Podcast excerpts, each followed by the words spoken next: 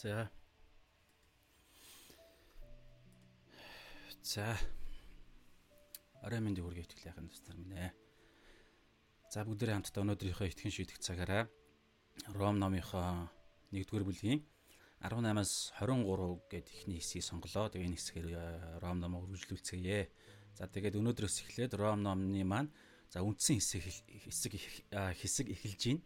Тэгээд Ром 1-ийн 1-ээс 17 дээр болохоор э, Ром ном ерөнхий танилцуулга явсан. За тэгээ 18-аас эхлээд 3 дугаар бүлгийн 20 дугаар ишлэл хүртэл ихний хэсэг явнаа. За хүн төрөлхтний дээр ичлэгдэж байгаа Бурхны уур хилэн гэдэг хэсэг байгаа. За энэ хэсэг бол сайн мэдээний амин чухал хэсэг байгаа. Тэгэхээр тэр хэсгийн өнөөдөр бид нар за за ерөнхийн нөгөө бид нар эхэнд ярьсан эхэнд хамгийн ихний видеон дээр гаргаж ирсэн танилцуулгын дагуу гарчиг тоймын дагуу явж байгаа учраас хүнд харь үндснүүдийн гим нүглийн шалтгаан гэдэг хэсэг таарж байна гэж харлаа. Ром 1-ийн 18-аас 23 дээр. За тэгээ 24-өөс за 1-р бүлэг дуустал 30 ид байла. Тэр хүртэл бол за харь үндснүүдийн гим нүглийн үр дагавар. За өнөөдөр бол бид нар шалтгааныг нь үзэх гэж байна. За тэгээд дамаа 18 дугаар ишлэлдээ бид нар жоохон тогтож ярилцсан. Энэ бол зөвхөн энэ өнөөдрийн хэсгийн эхлэлч биш. А Ром одоо Паулийн сайн мэдээний хамгийн ихний шат шатын одоо танилцуулга хэсэг гэж хэлж болно. Тагна гэж хэлж болохоор ишлэл байгаа. Өнөөдрийн 18 дугаар ишлэл бол тэгээд тийм учраас бүгдээрээ үзье. За тэгээд товчхон залбираад эхлэе. За дуу мууны асуудал асуудал гайг байгаа хаа гэж найдаж байна. За ярьж байна.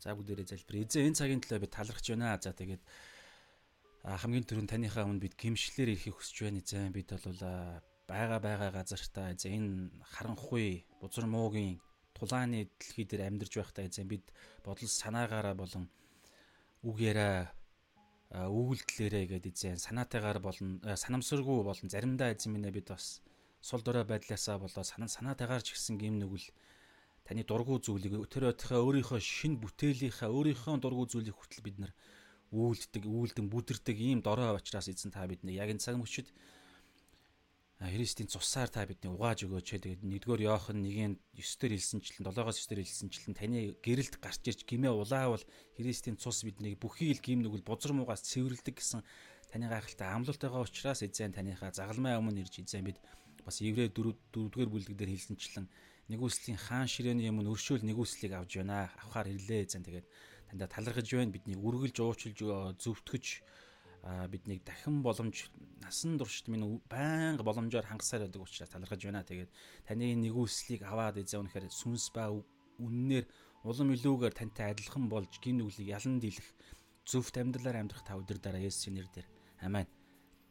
Тэгээд бас өнөөдрийн энэ хэсэгч гэсэн энэ хүү саяны залбирсан залбирлын маш бодтой одоо юу хөрөнгө оруулалт учраас бүгд хамтдаа эхэлье.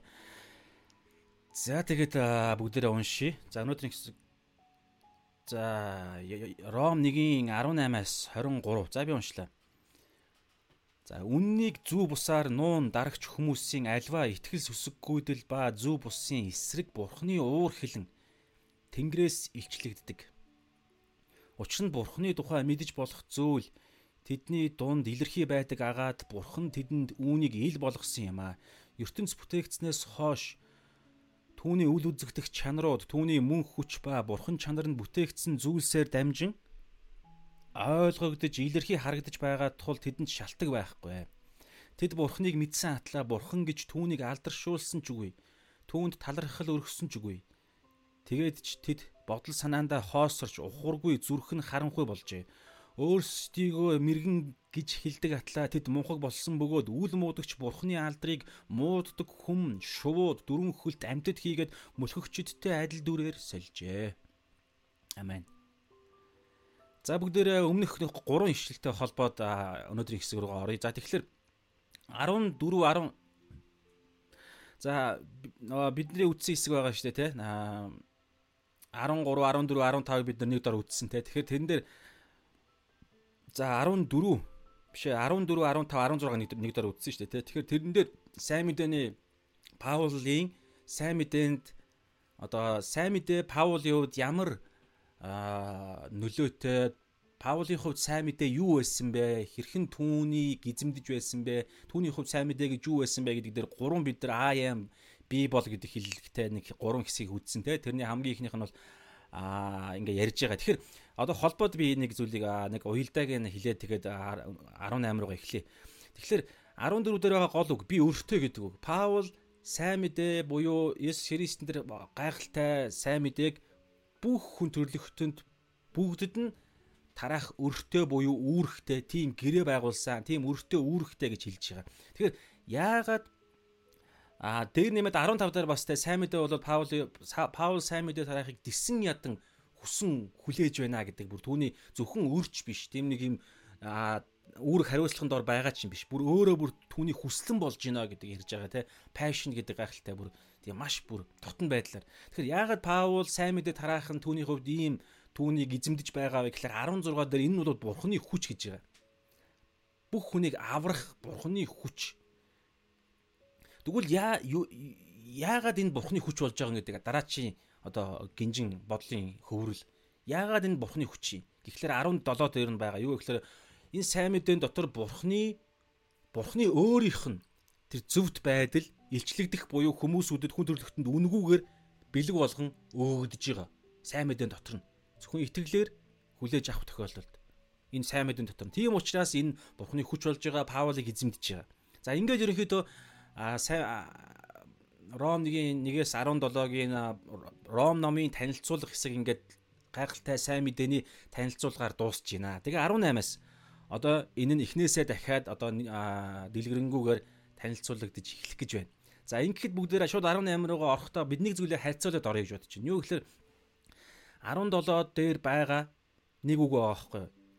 Аа зөвхт Бурхны хүртээх Бурхны зөвхт байдал сайн мэдэн дотор илчлэгддэг, илчлэгдэж байна, илчлэгдсээр байна гэд одоо цаг дээр байгаа нэг үг байгаа байхгүй?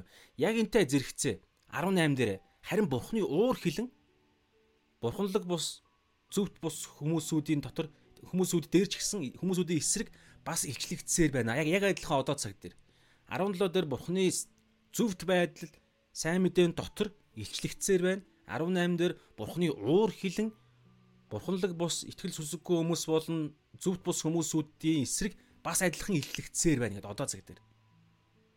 Тэгээ зэрэгцүүлээд одоо ингээд 18 руугаа бүгд оръё. За тэгэхээр А Ром 1-ийн 18-аас 3-ын 20 гээд энэхүү бурхны уур хилэн бүх хүн төрлөختний дээр ичлэгддэг гэдэг ичлэгдсэн гэдэг ичлэгдсээр байна гэдэг энэхүү сайн мэдээний хамгийн ихний одоо шат гэж хэлж болно. Ихний орцсон гэж хэлж болно те найруулгаар ярих юм бол ихний орцсон орцыг хамгийн гол а одоо юу гэдэг тодорхойлтыг бол бараг энэ 18 дахь ишлэл байгаа байхгүй. За би уншия. Үннийг зөв бусаар нуун дарагч хүмүүсийн альва Хүмүүсийн альва итгэл сүсэггүйдэл ба зүв бусын эсрэг бурхны уур хилэн тэнгэрээс илчлэгддэг. За энэ хэсэг. Тэгэнгүүтлээ Ром 3-ын За би гаргаж байгааг байна. 3-ын 20 дээр авши 18 дээр Бурханаас им биш 20 дээр Учир нь ямар ч махбод хуулийн үйлсээр түүний өмнө зөвдөгдөхгүй хууль нүглийг а биш 18 байна уучлаарай. Бурханаас имэх нь тэдний нүдэнд үгүй. Тэгэхээр энэ А Ром 1:18, 3:18 гээд энэ хоёр хэсгээр ерөнхийдөө бол энэ хэсэг базагдж байгаа байхгүй юу? 3:18 дээр 1:18 дээр нь юу лээ? Үннийг зүү бусаар нуун дарагч хүмүүсийн альва итгэл сүсэггүүдэл ба зүү бусын эсрэг Бурхны уур хилэн тэнгэрээс ичлэгддэг. 3:18 Бурханаас эмээх хүн тэдний нүдэнд үгүй. Тэд Бурханаас эмээдэггүй учраас Бурхны уур хилэн ичлэгддэг гэсэн үг. За иймэрхүү ерөнхий та ойлголтын дотор өнөөдөр их хэсэг явна гэсэн. Тэгэхээр а өнөөдөр энэ Паул сайн мэдээгээ эхлэхдээ түрүү 1-ээс 17-д 17 дугаар ишлэлд бол гайхалтай ингээ те ямар ч асуудалгүй сонсож байгаа хүн болгонд те гамэн өстой гоё мэдээ байна ямар гоё юм бэ гэд болж байгаа. Гэхдээ 18-аас эхлэнгүүтлээ байдал хүндэрнэ одоо 18-аас 3 3 дугаар бүлгийн 20 дугаар ишлэл хүртэл болол маш аимшигтай мэдээг одоо танилцуулна Паул. Яагаад ингэж байгаа вэ? Яагаад сайн мэдээ энэ мэдээгээр эхэлж байгаа вэ? Тэгэхээр энэ хэсгийн зорилго нь болохоор хүн бүрт сайн мэдээ ямар их хэрэгтэй вэ гэдгийг ойлгуулах зорилготой байгаа байхгүй юу? Сайн мэдээ. Энийг ойлгохгүйгээр хинч сайн мэдээг сайн мэдээ ямар ч хэрэг байхгүй угаасаа. Энэ ийм ойлголт хэрүү байгаагүй бол сайн мэдээ ямар ч хэрэггүй. Паул өөр гадаад ч гэсэн хэлж байгаа шүү дээ. Галат дээр үл юу гэдэг лээ. Хэрүү бидний ярьж байгаа зүйл те одоо худал Есүсийн амилтаар ярьдаг лөө. А угаасаа сайн мэдээ чи амлалтын мэдээ гэж амлалт дээр сайн мэдээ Есүс Христийн амлал бол сайн мэдээний хамгийн гол одоо хэсгэлдээ ерөнхийдөө бол тэгэхээр амлалаар ярьдаг санагдаж байна. Ерөнхийдөө овчхондоо бол энэ сайн мэдээ энэ зүйл худлаа байвал Есүс Христ үхлээс амьлаагүй бол сайн мэдээ бидний ярьж байгаа зүйл худлаа байвал энэ дэлхий дээр амьдарж байгаа хүмүүсүүдээс бид нар хамгийн өрөвдөлтөө гэж ярьж байгаа байхгүй. Яг юм.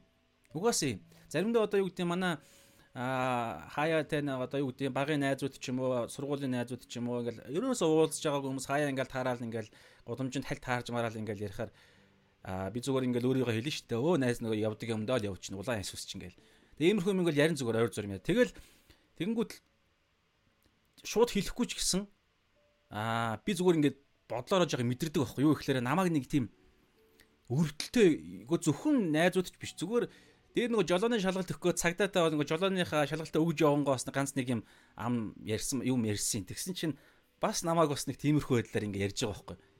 Танаахан чинь яг харин тэн тэгээд энэ тэгээд нэг иймэрхүү байдлаар. Ямар байдлаар ихлээр нэг тийм өрөвдөлтөө а нэг бол амар тийм нэг юм баян хүмүүсүүд те. Цаагаар яг нөгөө гаж урсгалын гаж урсгалын хүмүүс чинь бас нэг талаараа тийм байгаа шүү дээ, тэ. Тэгэхээр нэг үл яг тэднэртэй харьцуулдаг. Аа хамаар болж тэ. Маш баян гисэн те гадаад руу гаргадаг гэлүү те цалин байлын хэд байх юм аах тэгэл ингээ юу цалин байх вэ бүр ингээ те амьдралаа бүр ингээ зориулаа золиослоод явж байгаа байдлыг зүгээр ингээ хэрүү мэдэх юм бол ямар өрөвдөлттэй юм бэ гэдэг. Одоо манай хамаатны нэг ах байд юм бол хэлдэг байхгүй. Одоо чи амьдралаа бодооч гэдэг. Тэгэхээр иймэрхүү байдлаар зүгээр ингээд ярина. Хэрүү энэ бидний итгэж байгаа одоо энэ ярьж байгаа зүйл худлаа байвал хамгийн тэнэг болж байгаа байхгүй манаас бид нар бол. Тэгэхээр шалгаад амьдралаа зориулах хэмжээний дэнсэн дэнчин тавих хэмжээний шалгаад энэ нь байгаад мэдрэгдээд энэ зүйл нь ингээд нөгөө нэг Еврей 11-ийн нэг дээр хэлж байгаа ишлэн бодиттой болж ирээд батлагдаад ирээд байгаа учраас бид нар эн чинь юу энэ дэлхий дээр байгаа зориулж байгаа зүйлийн хажууд дэндүү агуу дэндүү бодиттой дэндүү бидний зүрх рүү орсон баяр хөөр маш бодиттой ямар ч мөнгө ямар ч хайр сэтгэл одоо юу гэдэг нь тэрийг хамааг харьцуулшгүй мөнхийн тэрхүү гайхалтай өв те тэр зүйл мэдрэгдэж байгаа учраас явж байгаа. Тэгэхээр нөгөө хүмүүс чинь мэдэхгүй байгаа даа байхгүй. Тэгэхээр товчондоо хэлж байгаа санаа нь бол яг тийм. Муу мэдээг ойлгохгүй бол энэ муу мэдээ ямар аимшигтай нөхцөл байдал яг түрүү хэлсэн шүү дээ. Одоо цаг дээр 18 дээр те Бурхны уур хилэн Тэнгэрээс илчлэгддэг эсвэл илчлэгдсээр байна. Илчлэгдэж байна. Илчлэгдсээр байна гэдэг одоо хилжүүн одоо цагаар байгаа байхгүй. Тэгэхээр яг одоо бүх хүн төрөлхтөн тийм байгаа. Тэгэхээр энийг ойлгох нь маш чухлаа. Тийм учраас Паул эндээс эхэлж байгаа. За тэгээд сайн мэдээ яагаад хэрэгтэй тэ? Яагаад яагаад сайн мэдээ хэрэгтэй вэ? Түрүү хэлсэнчлэн энэ ихний 18-аас Ром 1:18-аас Ром 3:20 гэдэг энэ хэсэг байгаа учраас бусад хэсэг нь тодорч гарч ирнэ. Сайн болно гэсэн. Зүгээр энгийн мэдээ биш, сайн мэдээ. Тэгээд Бурхны уур хилэн дор Бурхны уур түрүү чинь хүн бүр сайн мэдээ ямар хэрэгтэйг ойлгуулахын тулд энэ хэсгийг танилцуулж байгаа. Тэгэхээр тэр хүн бүр гэдэг дээр юу орж байгаа гэхээр 18-аас Ром 1-ийн 18-аас Ром 1-р бүлэг дуустал харь үндэстнүүдийн гим нүгэл болон үр дагавар тэдний ямар аимшигтай нөхцөл байдалд байгааг нь хэлнэ. Хоёрдугаар бүлгээс аа цаашаага ерөнхийдөө бол еврейчүүдийн бас зөвхөн харь биш Израильчууд нь өөрсдөө хүртэл ямар аимшигтай гим нүглийн занганд хүлээсэн дотор байгаад уур хилэн хүртэж байгааг бас танилцуулна. Тэгээ төгсгөлдөө бол ерөнхийдөө дүгнж байгаа байхгүй. Тэгэхээр бүх хүн төрлөختөл гэсэн. Бүгдээрээ гим нүглийн аимшигтай уур хилэн дор. Тэгэхээр яг одоо бурхны уур хилэн дор хүмүүс байгаа учраас яг одоо цаг дээр хаа сайг бүх хүмүүс тэр утгыг итгэгч хүмүүсүүд хүртэл. Гэтэ би нэг тайлбарлана яг одоо цаг дээр тэр утгаараа за би шууд хэлчихье тэгэхгүй хүмүүс буруу ойлгож магадгүй. Яг одоо цаг дээр байгаа учраас Ром нөгөө сайн мэдээний чинь гол үг те Ром 1:17 зүвт хүн итгэлээр амьдрна гэж бичигдсэнтэй айлаар Бурхны хүртэх зүвт байдал нь сайн мэдээний дотор итгэлээс итгэлд ичлэгддэг. Яг адилхан одоо цаг дээр байгаа байхгүй. Яг одоо цаг дээр байгаа аимшигтай уур хилэн Бурхны аимшигтай уур хилэн тамийн ял шитгэл тэр аимшигтай зүйл байгаа учраас зүвт Бурхны бидэнд илчилж байгаа зүвт байдал нь хүртэл яг одоо цаг дээр. Тийм учраас баян Есүсийн дотор явах гэдэг юм ярьдаг өдөр болгон. Яг тэгэхээр уур хилэн нь шүүлтэн аюул нь яг одоо зэгдээр байнга явж байгаа учраас. За иймэрхүү байдлаар тэгээ цааш яваа. Тэгэхээр эндээс яаж зүхтах вэ? Яаж энэ аимшигтай тамийн ял шитгэлээс там там руу явж байгаа энэ хүү урсгалаас яг тэ тэгээд бурхны энэ аимшигтай маш бодиттой бүр хитэн анхны гин нүглээс хойш хуримтлагдаж ирсэн гэж ярьж байгаа одоо бид нар үгээр нь үзнэ. Тэр уур хилэнгээс яаж зүхтаах вэ? гэдэг энэ асуудад хүн төрөлхтөнд байгаа хамгийн том хэрэгцээ гэж байгаа байхгүй. Зүгээр гэр бүлтэй болох сайхан цаг нь болох хүртлээ өөх хүртлээ энэ л гэдэг нь эрүүл амьдрах, аз жаргалтай амьдрах хүсэл мөрөөл аль нь биш. Яг одоо цаг дээр байгаа бурхны уур хилэн тамийн зангаар тэднийг хүм хүм болгоныг татж байгаа тэрхүү тамийн таталт тэр урсгалаас яаж зүхтаах вэ гэдэг энэ асуултанд хариулах нь хүн төрөлхтөнд байгаа хамгийн тухайн хүнд байгаа бид бүгдэд байгаа хамгийн бодиттой хэрэгцээ. Тэгэхээр энэ хэрэгцээнд сайн мэдээ хариулнаа гэсэн үг. За тэгээд бүгд яа 18-аас 32 юм байна шүү. Хариу үндснүүдийн гимт байдлын талаар. Тэгээд бид нар 23 хүртэл шалтгааныг нь үзээд 24-өөс 32 дээр тэр ийм шалтгаантай учраас энэ шалтгаанаас гарч байгаа хариу үндснүүдэд бий болж байгаа тэрхүү үр дагавар нь бид үзэх болно. За тэгээд шууд өнөөдрийнх хэсэг рүү гаръя. За тэгэхээр 18 дээр гэж байгаа. Аа за би шууд гол үгээс нь явъя. Яг Монгол Монгол хэлцэн орчуулга морчлог наан цантаа ордог учраас бид би шууд гол үндсэн хэсгээс нь явъя гэж бодож чинь. Тэрний үхээр аа хамгийн ихний үг нь бол бурхны уур хилэн Тэнгэрээс илчлэгддэг гэсэн санаа байгаа байхгүй. Бурхны уур хилэн. Шууд ингэж эхэлж байгаа сайн мэдээний ихний хэсэг. Бурхны уур хилэн тэ үннийг зүв бусаар нуун дарагч энэ дээр альва гэж байгаа уг нь бүх гэдэг үг байгаа байхгүй юу? Энэ NRSV орчуулган дээр ч ялгаа байхгүй бүх хэсгүүдээр бүх гэдэг үгээр байгаа. Бүх хүний эсрэг а үннийг зөв бусаар нуун дарагч бүх хүмүүсийн гэдэг үг. Бүх хүмүүсийн энэ маш чухал үг. Бүх хүмүүсийн тэ альва итгэл сүсэггүүд буюу бурхан тэ итгэл сүсэггүүд бурхан бурханлаг бус байдал эсвэл итгэл сүсэггүй байдал болон зөв бус гэж байгаа энэ яг сайн мэдэн дээр байгаа нөгөө өгчин багхгүй юу? Зөвхт А зүвт байдал гэдгийн эсрэг үг. Зүвт бус байдал. Зүв бус байдал, зүвт бус байдал яг адил ялгаа байхгүй. Гэхдээ яг яг тэнцүүлж оруулж ирсэн тэр эсрэгцүүлж те. Зүв зүв зүвт бус байдлын эсрэг тэнгэрээс илчлэгддэг. Тэгэхээр одоо бүгдээ эхлээд бурхны уур хилэнгийн талаар үзье.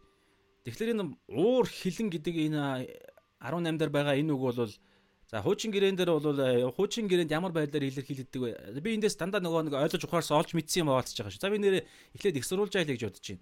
За эндээс чинь би аа Дэвид бишээ Стив Лосон гэ догт пастрын эрчүүдийн юу явж байгаа би нэр та урд нь сонсч ирсэн бол Стив Лосны докторийн эрчүүдийн библи судлалын цаг Ром номон дээр хийж хийсэн цаг явж байгаа. Эндээс авсан ойлгож ухаарсан байгаа. Дээр нь нэмээд Аа өөр чигний хавлаа. Skip Heights гэстэй. Skip Heights-ийг яг энэ хэсэгтээ хамааралтай бас комментарийг авсан. Тэгээ Mike гээд бас нэг тийм apologetics pastor, өсвөрийн pastor байгаа байхгүй. Mike-ийн гэлээд байз. Тэгээ энэ гурван хүнээс авсан шүү. За тэгээ цаашаага ямар хүмүүс өөрөө хэрүү судалмаар бол судалж болно. За тэгэнгүүтлээ тэгэхээр ингэж байгаа А 18 дугаар ишлэлээр энэ уур хилэн гэдэг бол Стив Лоусон докторийн пастрын хэлж байгаагаар бол хуучин гэрээнд уур хилэн гэдэг үг нь бол ямар байдлаар илэрхийлэгдэж байгаа гэхээр нэг ийм байдал гинэ. Яг ингээд ийм би яг тэр пастрын хэлж байгаагаар илэрхийлэлээр нь илэрхийлээ л да. Бүр ингээд одоо нөгөө нэг юм барьж ятсан. Барьж ятсан. Барихын аргагүй, амьсгаан тавчдсан гэж байгаа байхгүй юу? Дөрүлзэх гал мэт. Хуучин гэрээнд. За харин шин гэрээнд skip heights пастрын бас хэлж байгаагаар а юу гэж байгаа гэхээр шин шин гэрээнд хоёр байдлаар а уур хилэн гэдэг үг хэрэглэгдсэн байна гинэ. Нэгдүгээрт. За би одоо дуудлагыг мартчихлаа. Таймос гэлөө Тимос, Таймос, Таймос. А Тумос ч гэлөө ямар ч зүйл иймэрхүү та харж байгаа л хэлэгдсэн дээ. Гэтэ интернет ямар байгаа юм. За иймэрхүү нэг юм хиллэг байгаа. Энэ болохоор юу гэхээр дүрлэлтсэн галтай зүрлж байгаа. Халуун. Шатж байгаа шатж юу буцалж байгаа устай адилхан те. Дөрвөлдсөн халуун. Барихын аргагүй. Барьж чадахгүй. Яг түрүүний тэр хуучин гэрэний ойлголт юу бүр ингэж бүр амар эмошн тэр тэгээд бүр ингэж тухайн үед энэ ийм одоо энэ Томас гэдэг байгаа энэ уур хилэн хэрэг ингээ илэрх юм бол тухай бүр ингээ зад тавихаар Тэгээ одоо сайхан бодогдчихин зүгээр нөгөө нэг сайн нэг бүх тэ нөгөө олимпийн аварга болон нөгөө начин хоёр хоорондоо найзууд байсан хоорондоо бие биенээ зодсон бие биенээ ч явах тэр олимпийн аварган зодсон юм шиг байгаа тэ. Тэгэхээр энэ мэнд ингээд иймэрхүү зүйлийг харахаар итгэж хүмүүсүүд бол цаана юу болж байгааг мэдчихэж байгаа шүү дээ тэр олимпийн аварга нэр нь мартчихлаа. Тэр бол нэг амар муу үндэ биш байхгүй юу? Та имийг ойлгож байгаа бол мэдж байгаа. Бидний хинэнч нөхцөл байдлаар бол яг л тэг. Яг тэр хүч чадал мадал тэр бүх юм нь бүрдээд арх мэрхэ ууцсан гэл. Юу хэлэх гээд байгаа гэхээр хүн төрлөختний цаана нь махуудын гин нүглийг нь ашиглаж 2-р Коринт 4:4 Эфес 6-гийн 12 дээр хэлж байгаачлсан сатан хүн төрлөختнийг цаана захирж байгаа. Тамаа Есүсийг болоогүй болвол тэгэхээр ямар ч сайн хүн ямар ч улс төрийн тэ Монгол ард түмнэ гэсэн хүн улс төрт гардаг ч юм уу нөхцөл байдал нь бүрдээ тэр янз бүрийн сорилтонд орох юм бол дороо уналтанд орж гин нүгэлд унана. Угаасаа гин нүгэлтэй зүрх нь холбогт махуд нь холбоотой байгаа учраас. Тэгэхээр яг яг тийм нөхцөл байдал нь бүрдүүл энэ Томас гэдэг энэ уур хилэн бол шууд зад тавихаар байгаа байхгүй. Тийм уур хилэн илэрхийлдэг гинэ. За хоёрдугаар дахт нь болохоор орги, орж гэлүү орги. За энэ болохоор яг энэ Ром 1:18 дээр хэрэглэгдсэн уур хилэн байгаа. Энэ юу болохоор юу ямар байдлаар илэрхийлдэг вэ гэхээр мэдээж ингээд ойролцсон шүү дээ адилхан уур хил учраас. Гэхдээ арай нэг юм ялгарч байгаа онцлог нь юу вэ гэхээр одоо ингээд барьж байгуулагдах гэсэн санаа байгаа байхгүй юу? Биш нэг боловсрох бүрэн гүйцэх нэг уур хилэнгийн аяг нь ингээд дүүрэх гэдэг шиг ингээд а одоо боловсрох гүйцэх гэдэг нэг иймэрхүү байдалтай хэрэглэдэг. Урт хугацааны дурш ингэж хуримтлагдаж хуримтлагдж байгаад зад тавьдаг. Гэхдээ энэ болохоор ингээд юу гэдэг тийм нэг эмоц барьж чадахгүй гэхээс илүүгээр юм ухамсартайгаар бурхны ухамсартайгаар эртнээс тэгээ шалтгаантайгаар ингэж хуримтлагдж байгаа хамгийн гол үг нь хуримтлагдах гэдэг үг.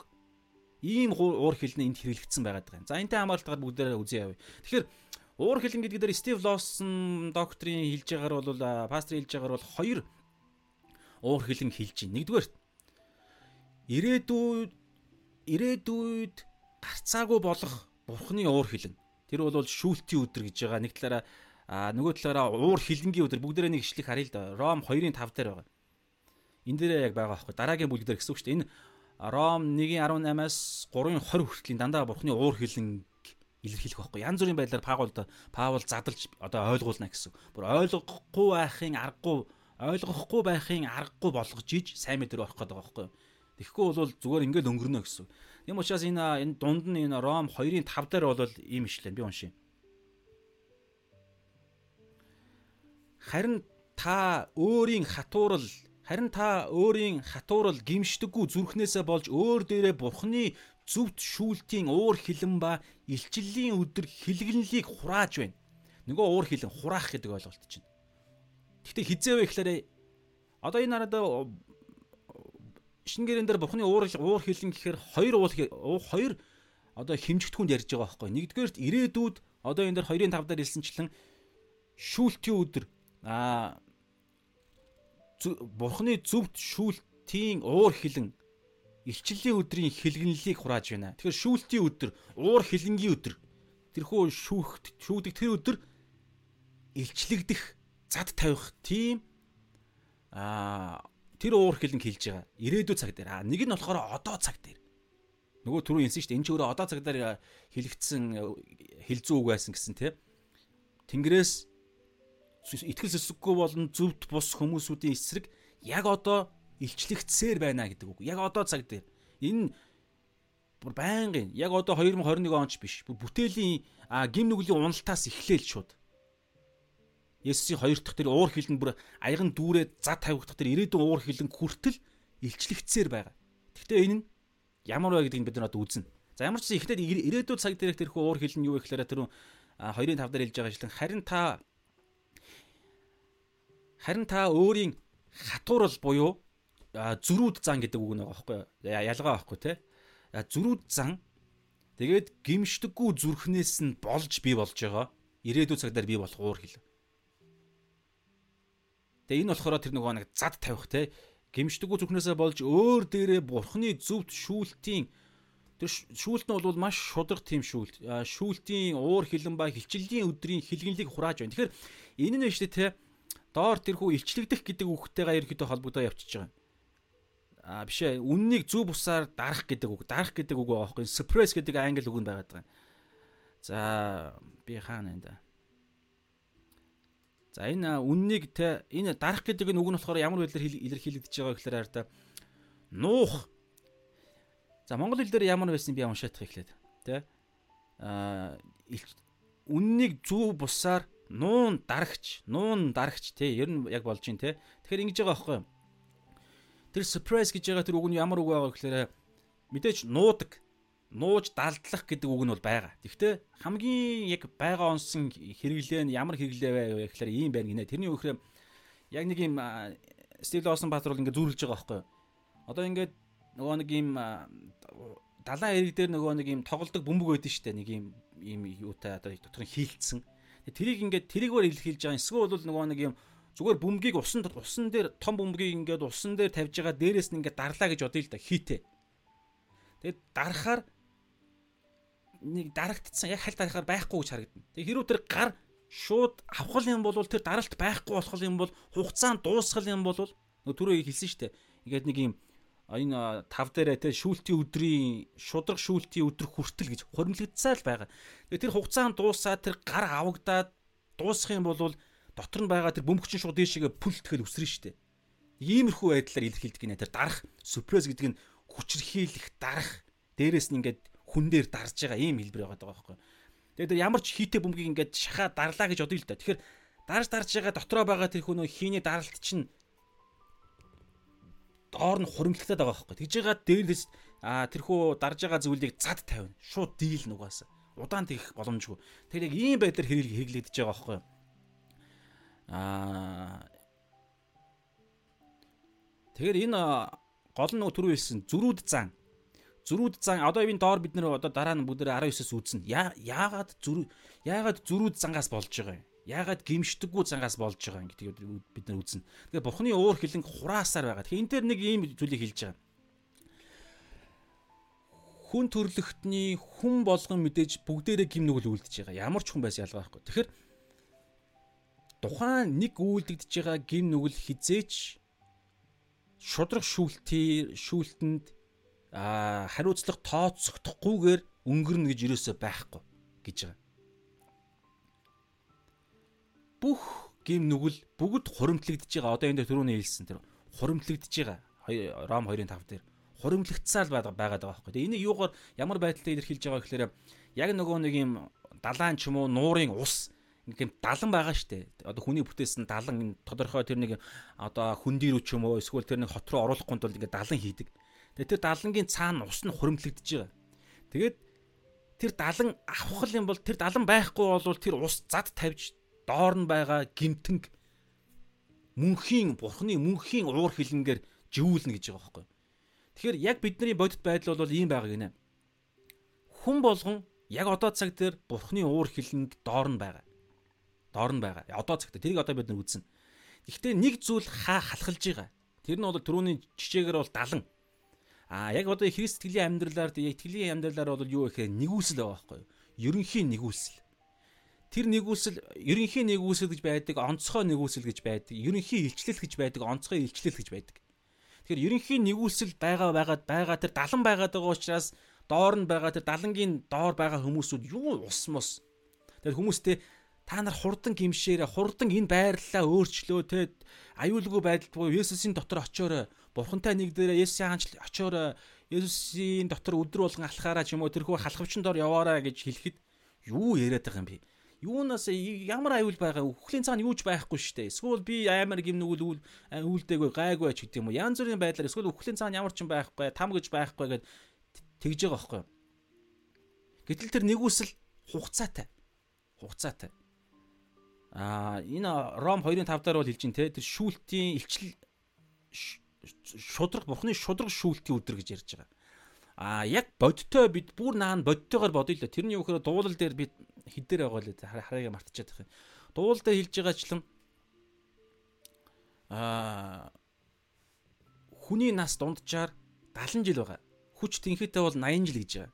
Тэгээ та зүгээр ингээл өөрийнхөө насаа 70 за 80-аас хасал та. За сүсрэл 90-ээс хасъя л та. Тэгэхээр хэдэн жил яригдчихэж байгаа юм те. Тэгэхээр эн чинь бол эрүүл бөгөөд нөгөө зөв явбал зөөлөн зөөлөн замбуулан билүү тэг үдэг шиг те. Зөв яваад гэдэг юм одоо юу гэдэг юм байгаа. Нэг эрүүл мэн дээрээч зөв айхтар юм хийчихгүй хин эвтэйхэн шиг явж ижил ингээл үсрээл 80 90 хүрнэ штэ. Гэтэл яаж магадгүй шүү. Одоо корона хүмүүс өгч чинь янз бүрийн зодоо модоо те юу ч болж магадгүй шүү хүн хизээ өгөхөө мэдэхгүй те луг дээр ч гэсэн эс сэлж байгаа. Баян хүний нэг сургаал зөвөрөл дээр бай мунхаг баянаа чи өнөө шин чамаас амчин авагдана. Тэгээ чи насан туршдаа цуглуулж те зааста маргаашнаас ингээд жарганаа гэд тэр хүн 80 тэр баян хүн унтж байгаа байхгүй. Тэнгуут нь бурхан тэр хүнд хэлж байгаа байхгүй. А Есүс сургаал зүйл хэлж байгаа. Өнөө шин амчин чамаас авагдана. Чиний хүчээ хамаг юмаа бүр сүнсээ худалдан байж олсон тэр хөрөнгө чинь өөр хүмүүст очноо гэдэг юм ярьж шудрагаас үгүй юу ийм л юм байна. Хүний хувь тавилан. Тэгэхээр тэр хугацаа гэдэг ийм л хугацаа ярьж байгаа. Яаж ч томорлоо гэд яаж ч өөрийн хүчээр зүв байлаа гэд хүн энэ дэлхий дээрх насаа ганц хормоорч нэмч чадахгүй. Хүнд эрх мэдэл байхгүй. Тэгэхээр түрүүний ярьдаг. За би 36 хүрсэн.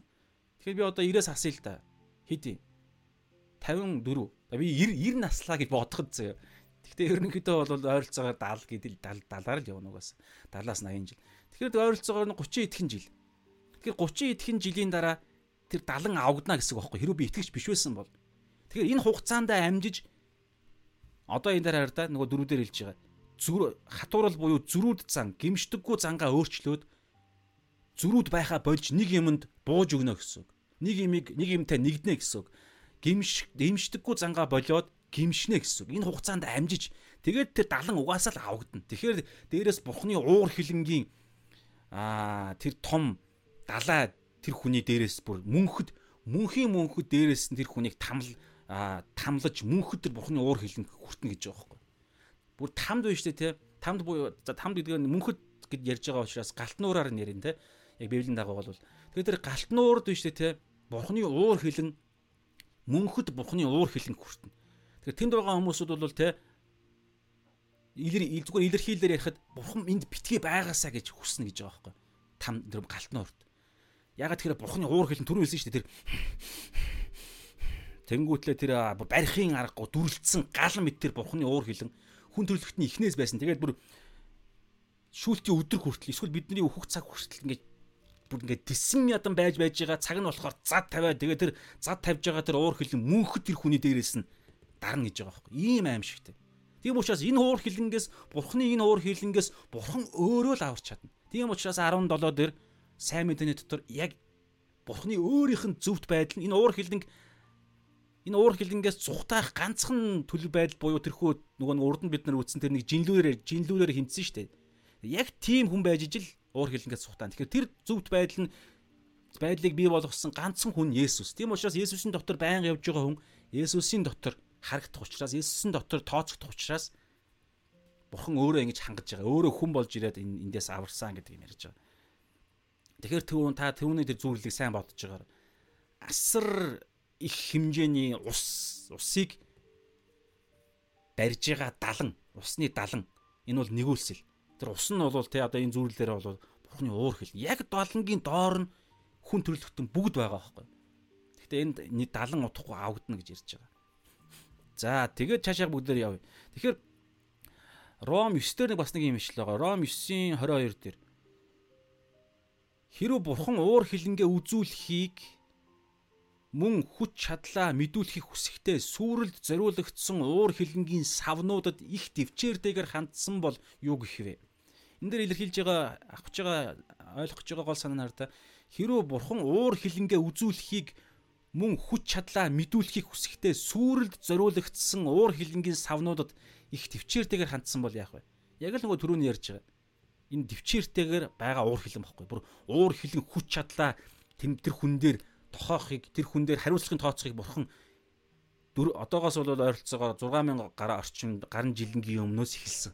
Адам Явагийн анхны гим нүглээс эхлээд Тэгээд тэр уур хилэн шууд бууж ирж байгаа. Тэгээд энийг төвчээртэйгээр хандж байгаа. Энэ яагаад тэгэхээр түүний хайр нэгүсэл байгаа учраас. Гэтэ энэ хугацаатай энэ хугацаанд амжиж зөрүүд зангаа хаяад гимшиж цорын ганц замд зам руу л орох хэвээр, амь руу орох хэвээр, үнэн рүү орох хэвээр Есүс рүү.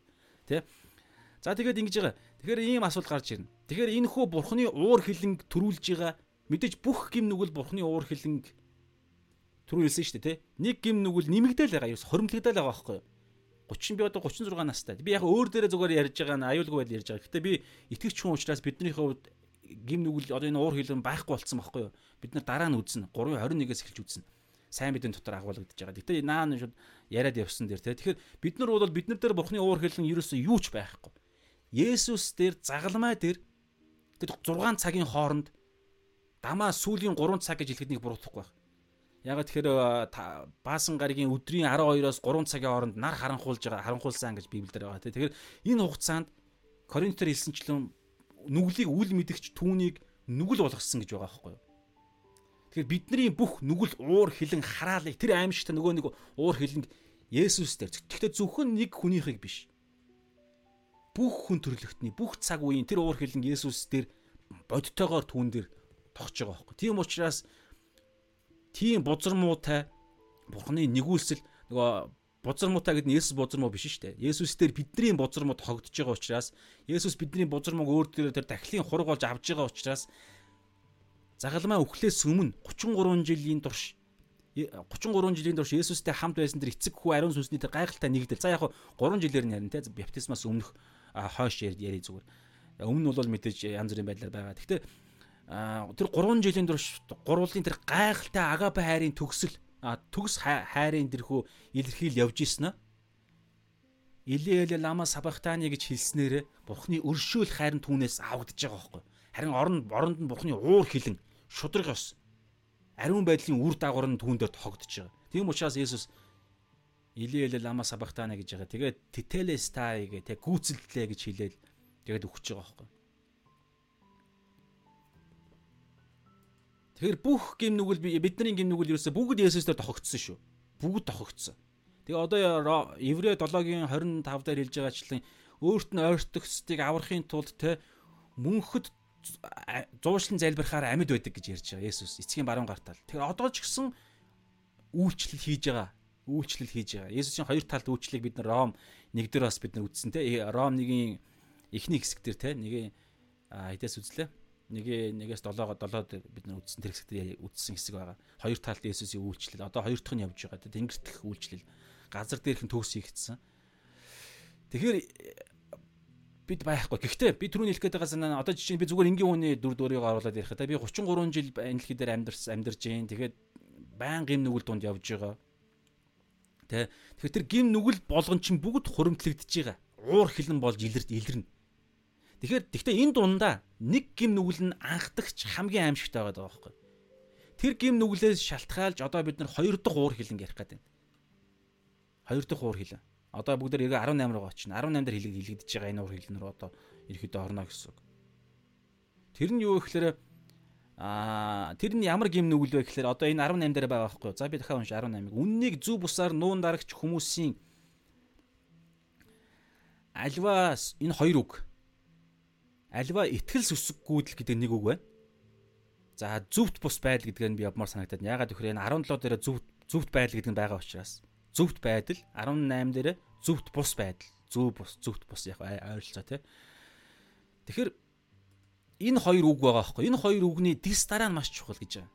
Паул өөрөө үгийг маш чухалчилдаг. Ром ном бол тэр чигээрээ теологийн ном учраас маш чухал зохион байгуулалттай бичигдсэн түүний одоо тий хамгийн оргил бүтээл учраас сайн мэдээний тий Тэгэхээр энэ дээр бол үг дис дараа маш чухал байгаа байхгүй.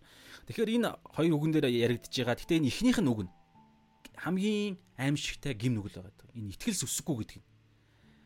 За ийшээ орж болж байна би хараатах ээлж дараа гараатах юм. За тэр ийшээ орохоос өмнө би нэг яг ээлж дараагаараа нэг юм хэлээд. Юу гэхээр За За болцсон юм байна болцсон юм байна. Зөв юм байна. За тэгэхээр бүгдээрээ юу юм бэ? Ром 1-ийн 24, 26, 28 гэдэг дээр нэг үг илэрх нэг үг давтагдчихж байгаа. За би уншия. Тэгэхээр та анзаарах нүггүй юу? За Ром 1-ийн 24 ихлэ уншия. Дараа нь 26, 28-ыг. Ром 1-ийн 24 Иймд бурхан тэднийг зүрхнийх нь хүсэл тачаалын бузар юмстай зөндөн орхиж тэд бие мах бодоо өвөр хоорондоо гутаажээ. 26. Ямар үг давтагдахаар та бодож байгаарай. 26. Ийм учраас бурхан тэднийг гутамшигт хүсэл тачаалтай зөндөн орхиж тэдний эмгтээчүүд ч бэлгийн төрлөх харьцааг төрлөх бусаар солилцоож 28 Тэд бурхныг хүлээн зөвшөөрөхөөс татгалцсан тул тэднийг бурхан завхарсан сэтгэл болон хийх ёсгүй үйлдэлд нь орхижээ.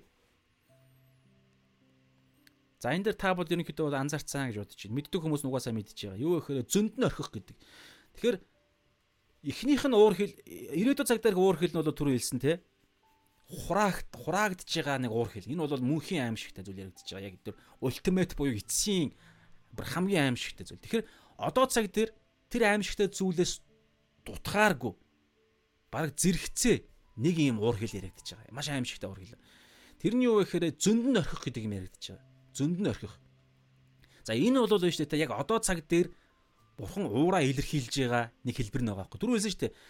Далан байгаа. Тэр ус тэр бухны уур хилэнгийн далай тэрхүү тэр асар их хоримлогдож байгаа тэрхүү уур хилэнгийн аягыг халахлж байгаа хан далан гэж байгаа. Тэгвэл тэглээгээд бурхан одоо цаг дээр уураа илэрхийлэхгүй гэдэг юм байхгүй байгаа. Одоо цаг дээр ч гэсэн уур нь илэрхийлэгдэж байгаа. Нэг өөр байдлаар. Тэр нь юу гэхээр зөнд нь орхих. За энэ зөнд нөрөх гэдэг юм нэг юм нүглээс болоод байгаа байхгүй. Тэр нь одоо түрүүний одоо хэлэх гээд байгаа 18 даа байгаа үг. Түрүүн ихтгэл өсөхгүй гэдэг үг байгаа. Хоёр хоёр хүний эсрэг. Хоёр одоо төлөв байдлаа үнийг хэлсэн шүү дээ. Нэгдүгээр ихтгэл өсөхгүй гэж хэлж байна. Одоо гадли юу лээ? Энэ гадлинес гэлөө ангадлинес. А гадлинес А эсвэл бол хангли хэл мэддэг хүмүүс нь ойлгож байгаа. Хоёрдугаар эсвэл бол godless godlessness гэж байгаа. Ерөнхийдөө бол бурхангүй байдал. Итгэл сүсэггүйдэл гэж болж байгаа тий. Бурхангүй байдал. Бурханлаг бус байдал. Итгэл сүсэггүй байдал. Бурхантай хамааралгүй харилцаагүй байдал гэдэг нь энэ хамгийн аимшигтай гэмнүгэл байгаа байхгүй юу? Тэгэхээр тэгээд хоёр энээс үр дагаварт нь гарч байгаа нь юу гэхээр зүвт бус байдал. За одоо би чааш ингээд бодиттой яриад явъя. Тэгэхээр түрүүний Ром 1-ийн 10 24 26 28 дээр хэлсэнчлэн зөнд нь орхих гэж давтж байгаа тий. 24 дээр бол бид нар дараа нь үзэн гэхдээ энэ дэр иймд бурхан тэднийг зүрхнийх нь хүсэл тачаалын бузар юмстай зөнд нь орхичээ. Зүрхнийх нь хүсэл тачаалынх нь бузар юмстай зөнд нь орхиж байна. Тэгээ ерөнхийдөө та үхэл гэдэг Библийн дагуу үхэл гэдэг үг ямар үхэл гэж юу хэлэх вэ гэхээр бурхнаас тустай байдал байхгүй. Дамаа сүнстэй бурхны дүр төрхөөр бүтээгдсэн хүний хувьд үхэл гэж ярихаар ийм л юм яригдана.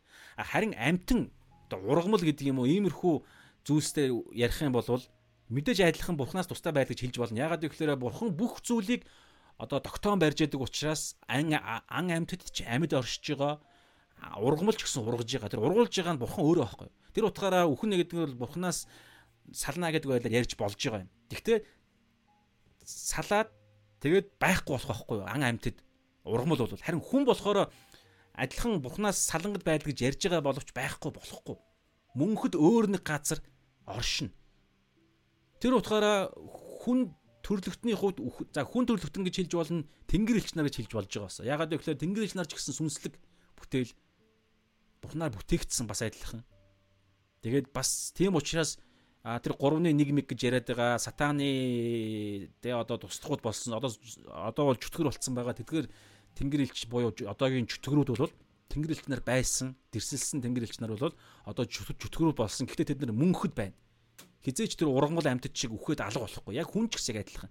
Тэр утгаараа үхэл гэж ярихаар Бурханаас тустай юм ярьдаг. Тэр утгаараа 24 дээр хараа Бурхан тэднийг зүрхнийх нь хүсэл тачаалын бузар юмстай зөнд нь орхиж гээд ингэж ирэхээр зөнд нь орхиод оролцохгүй болоод Бурхан бүр салж байгаа байхгүй. Гэхдээ мэдээ тэр ерөнхий нэгүс гэдэг юм явж байгаа. Гэхдээ тэр дунд тэр ерөнхий нэгүслийг байлгаж байгаа юм нь юу вэ гэхээр тэр онцгой нэгүсэл буюу цорын ганц бурхан төрөх арга зам буюу Есүсийн сайн мэдээнд итгүүлэхт нь Йохан 6 дээр хэлж байгаа ашлан бурхан л ойртуулдаг байгаа даа байхгүй? Бурхан ойртуулна. Бурхан зүрхийн өдгөх нь бурхан итгэлийг өгнө. Бурхан тэр хүн рүү илгээнч гэдэг юм уу те? Аа бурхан тэр дотор нь гимшүүлэх тэрхүү Йохан 16 дээр хэлж байгаа ашлан ариун сүнсээрээ дамжуулан тэр хүнийг яллна. Гэтэл зөнд нь орхин ихэд тэр яллах маллах хүртэл байхгүй болчихж байгаа байхгүй юу? ялалтан ч байхгүй тэр хүнийг зүрхэнд нь тэр хүнийг ихтгэлд хөрвүүлэх тэр хүнийг юм одоо ухамсард нь тэр мөн чанарт нь хүртэл юм байхгүй болчихж байгаа байхгүй. Энэ аимшигтэй нөхцөл байдал байгаа. Энэ ингээд ирэхээр биш үү? Яг энэ ийм төлөв байдалд ирсэн хүн яадаг вэ гэхээр тэр Стив Лосны хэлж байгаа ажлан бол бурхан дээр ирэх боломжгүй болно гэж байгаа байхгүй. Гэхдээ тэгж ярьж байгаа. Бурхан дээр ийм хүн бол бурхан дээр өөрийн хүчээр ирэх ямар ч боломжгүй.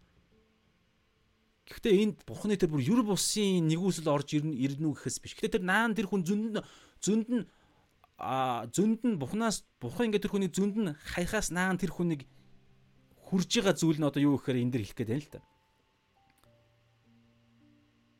Одоо бид нар үзье. А ерөнхийдөө бол түрүү хэлсэнчлэн тэр бурханлаг бус ихтгэл сүсэггүй байдал, зөвхт бус байдал гэдэг хоёр юм ерөнхийдөө явж байгаа. Энэ 18 дахь бүлэг бол ерөнхийдөө гарч гэж хэлсэн те. Тэгээ 10 19-оос эхлээд энэ 18 дахь бүлгээ тайлбарлаж эхэлж байгаа байхгүй юу? 18 дахь биш 18 дахь ишлэл бол ерөнхийдөө энэ Ром 1-ийн 18-аас 3-ын 20-ын ерөнхийдөө гарчин гэсэн үг, тагна гэсэн үг. Тэгээ 19-оос явж байгаа. Тэгэхээр а саяны яага зөнд нь орхиж байгаа гэхээр тэр ихтгэл сүсэггүй байдал, зөвхт бус байдал гэдэг энэ хоёр юм давхцгаараа аимшигтай болж байгаа гэсэн санаа байгаа. Гэхдээ тэр нь яг ямар байдлаар вэ гэдэг одоо бид нар үзнэ. Яагаад бурхан зөндөнд орох хэмжээний ийм аимшигтай уур хилэнг илэрхийлж байгаа. Нөгөө өндөө бол ингэж мэддэхгүй шүү дээ. Ямар яг тэр хүн болго за юу итгэгч бус хүн болгоны мөнхөд шүүлтийн өдөр идэлх тэр бодиттой аимшигтай бурханы уур хилэнг мэдрэх мэдрэх адил яг одоо цагтаа мэдрэхгүй шүү дээ. Юу мэдрэх вэ гэхээр тэд нар бол яг сатаны тэднэрт санал болгож ирсэн Есүсийг ч гэсэн аа баптизм хүртээд тэ ариун сүнсээр хөтлөгдөө цөл рүү чөтгөрч соригдохоор явлаа гэж байгаа байхгүй. Тэгэхээр тэнд болж байгаа сүнслэг тулааны үед сатаны санал болгосон тэр зүйлийг л авна гэсэн. Есүс л аваагүй эсэргүүцсэн те. Харин хүн төрлөختөнд тэрийг л авна гэсэн. Юу юм? Энэ дэлхий дээр алдар нэр. Энэ дэлхий дээр одоо бурхан энэ дэлхий дээр бүр бурхан болно гэсэн үг байхгүй. Тэр утгаараа эд баялаг алдар нэр. Ирэх мэдэл. Тэр утгаараа мөнгө ард алдар нэр махуудын хүсэл эдгээрүүд чинь аимшигтай байгаа даа байхгүй сатаны хамгийн гол зэвсгүүд Тэгэхээр 24 дээр те а иймд бурхан тэднийг зүрхнийх нь хүсэл хүсэл тачаалын бузар юмстай зөнд нь орхиж байгаа байхгүй тэгээд тэд бие махбодоо өвөр хоорондоо гутааж байгаа. Тэгээ 25-аас бол аимшигтай аимшигтай юм ярьж байгаа. Тэгээ 20 26 дээр те бас ингээд давтагдж давтагдж байгаа ишлэгийг хэлэхэд ийм учраас бурхан тэднийг Дунд нь бол нарийн шир юм байгаа шүү. Бид нар дараагийн дээр үзнэ.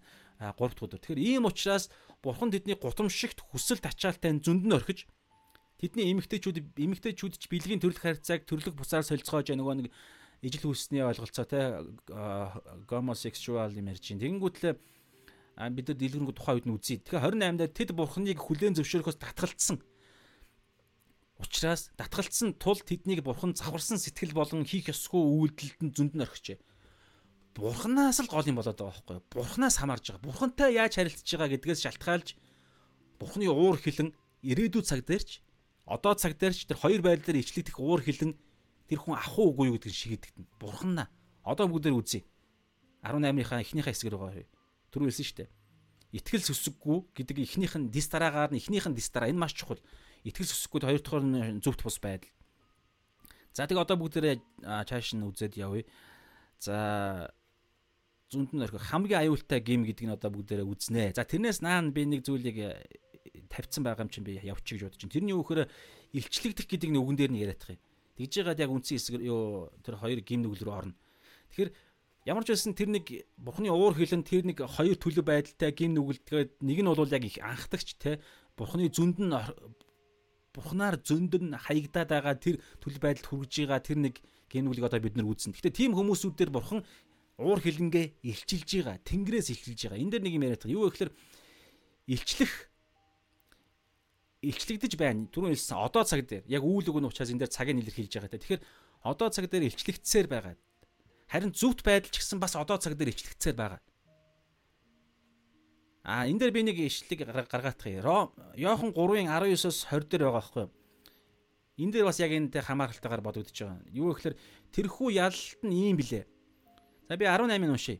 Түүнд итгэдэг нь яллуулахгүй харин итгэдэггүй нь хэдийнэ яллуулсан. За энэ үг хэдийнэ аль хэдийнэ яллуулсан буюу нөгөө түрүүний ярьж байгаа одоо цаг дээр гэдэг байгаа чинь тэр байхгүй.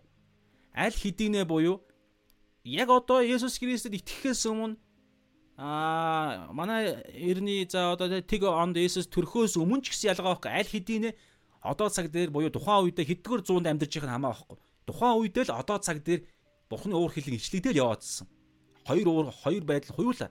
Нэг нь гин нүгэл нь хоримтлагдаар л байгаа, хоримтлагдсаар л байгаа. Нэг нь болохоор бурхан бурхантай бурханыг таньж мэдэж бурхан руугаа харьцаж гинүү гэдэг тэр байдлаас шалтгаалж Дараа дараагийн юм яригцаар л явагдаад байгаа. Тэг учраас арай түүнд итгэдэг нь яллуулахгүй харин итгэдэггүй нь хидийнэ яллуулсан буюу тэр уур хилэн дотор үргэлжлүүлэн явна гэсэн.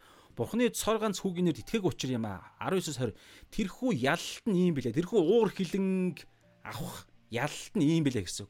Хүмүүсийн үйлс муу мухай тул гэрэл ертөнцид ирэхэд тэд харанхуй гэрлээс илүү хайрлсан. Муу мухайг үйлдэгч бүр үйлс нь илэрчихвэ гэсэндээ гэрлийг үзий ядаж гэрэлд гарч ирдэггүй энэ дээр хараад одоо бид нар 19 19-оос үзнэ. Нөгөө үннийг 18 дээр бас байгаа. Үннийг 100 бусаар нуун дарагч. Үннийг 100 бусаар зөвхт бус байдал дотроо нуун дарагч гэдэг нь ойлголт. Яагаад үннийг 19-с одоо бид нар үзнэ 20 19-с 23 хүртэл Бурхан өөрийгөө илчилсээр байтал үнэн бурхан байдаг гэдг нь хүчтэй гэдг нь харагцсаар байтал яагаад тэд нар 18 18 дээр хэлж байгаа ажилтан зүү бусаар нуун дарж байгаа юм. Нууж байгаа юм. Дээрээс нь түрүүний тэр зүүрлэлэр бөмбөгийг дарах адил ингээд дараад байхгүй мэт болгож байгаа юм. Гэтэ цаг нь болохоор илэрнэ. Гэтэ яагаад дараад байгаа юм? Ямар тэр одоо хандлага хүсэл тэр нэг юм дотроос нь төрөөд байгаа гэхээр Йохан 3:19-с 20 дээр байгаа байхгүй. Тэрхүү ялалт нь юм билээ. Хүмүүсийн одоо сонсороо үйлс нь муухай тул гэрэл ертөнцид ирэхэд тэд харанхуй гэрлээс илүү хайрлсан гэдэг үг. Харанхуй гэрлээс илүү хайрлсан. За энэ ойлголт шүү дээ хүн төрлөختний хамгийн том аа бурханд итгэхгүй байх шалтгаан байгаа даа байхгүй. Итгэж чадахгүй дээ биш гэж байгаа. Бас бурхан бурханыг ойлгож те бурхан байдаг гэдгийг баталгаанууд нь дутуудаа биш. Баталгаануудад нь итгэх гэсэн чинь ингээд нэг итгэж чадахгүй байгаа даа биш. Хүсэж ин л да. Гэхдээ чадахгүй байна гэдэгтэй биш. Яагаад итгэхгүй байгаа даа вэ? А тэр нь заримдаа өөр юм ярьж байгаа шүү. Зөвхөн итгэгч биш хүн дээрч биш итгэгч хүн дээр хүртэл заримдаа хамаараа итгэж байгаа мөртлөө амьдрал нь яагаад итгэж биш хүнтэй адилхан амьдралаар амьдраад байгаа яагаад хуучин амьдралаа тавьж чадахгүй байгаад байгаа гэдэг юм мөртлөө ярьж байгаа. Тэгэхээр энэ болгоны зүйл нь юу вэ гэхээр да харанхуй гэрлээс илүү хайрлах гэдэг юм. Хайрлах гэж байгааз харанхуй илүү хүчтэй учраас гэж хэлээгүй. Бид нар Иохан 1 дээр үтсэн шүү дээ. Гэрэл ертөнцид ирэхэд тэгээ харанхуй түүнийг дийлдэггүй. Ямар ч гэрэл асахад ямар ч том өрөө байсан гэрэлтүүлж чаддаг гэрэл гэдэг чи өөрөө тийм бодиттой их их а энерги их үүсвэр харанхуй энерги байхгүй шүү дээ бид нар урднаас ярьж ирсэн те Эйнштейний ярьж ирсэн үгээр. Харанхуйд энерги их үүсвэр байхгүй. Хүүтэн гэдэг ойлголт энерги их үүсвэр гэж байхгүй. Харин дулаанд гэрэл гэдэг дээр бодиттой энергийг эхлүүлэгч нь байгаа. Энерги их үүсвэр бодиттой хэмжиж болох судалж болох тийм химийн физикийн элементүүд нь байгаа байхгүй. Тэгэхээр гэрэл гэдэг гэрэл ирэхэд угаасаа харанхуй гэрлийг дийлэхгүй. Гэхдээ яагаад харанхуй гэрлээс илүү хайрлаад байгаа гэхээр тэд нар үйлс нь муу муу муу муухай тул буюу тэр бузар муу үйлс нь үйлстэй тэд нар хууртагдаад бузар муу Эфес 4-дөөс хэлж байгаа бузар муу махуудын хүсэлд ачаалдаа бүр залим ихэнд нь хууртагдцсан тэрэндээ эзэмдүүлэгдсэн тэрийг бүр хайрлж байгаа байхгүй хайрлах гэдэг зүйл. Тэр нь ингээд аль альныгаа ингээд өвөр төрөөндөө орооцолдоод ингээд нэг бий болцсон. Тийм учраас гэрэл ирэхэд хүний чөлөөт сонголт гэдэг ойлголт чинь бас энд орж ирж байгаа болов уу гэж би бодож байна. Гэтэ бурхан урдаас мэдэх мэдлэг ярьж байгаа. Гэтэ тэр бурхан ямар тэр хүн ямар сонголт сонгохыг бурхан урдаас мэдж байгаа учраас тэ сонгогдох гэдэг ойлголт ярьдаг. Тэгэхээр тухайн хүн чөлөөт сонголтоороо хүч харанхуйд хүч өгöd байгаа байхгүй. Харанхуйг сонгож хүчтэй болгоод байгаа гэсэн үг. Сатан ерөөсөө ийм л сатан яг ийм арга замаар л ертөнцийг захирж байгаа. Дэлхийг захирж байгаа. 2 дугаар Коринт 4-ийн 4 дээр энэ 90 үеийн бурхан үл итгэгчдийн бодол санааг сохлоод Бурхны дүр болох Христийн алдрын сайн мэд алдрын сайн мэдээний гэрлийг үзэхгүй болгож байгаа нь сатанд хүчтэй байгаа даа биш. Үл итгэгчдийн бодол санааг сохлоод тэр үл итгэгчд нь хүн өөрөө энэ дэлхийдээ захирж байгаа шүү дээ. Агаас анх хүн төрлөختний бурхан гэж бүтээсэн шүү дээ. Та нар энэ газар дэлхийг эзэмш. Тэгээ газар дэлхийг дүүрэг захир гэж хэлсэн. Бурхан захирахаар ингэж бүтээгээгүй хүн л захирахаар бүтээгдсэн. Тэр утгаараа бурхан өөрөө гим нүглийн асуудлыг шийдэхийн тулд хөдөлгөөс оролцох эрх байхгүй байхгүй юу? Анханасаа тэгж тогтоогдсон учраас. Харин тийм учраас бурхан өөрөө хүн болж ирсэн. Хүн төрлөختнийг энэ дэлхийг хүн л захирах ёстой учраас хүн болж ирээд асуудлыг шийдсэн. Тэгэд хүнийг хүн л ерөөхдөө бол захирж байгаа байхгүй юу?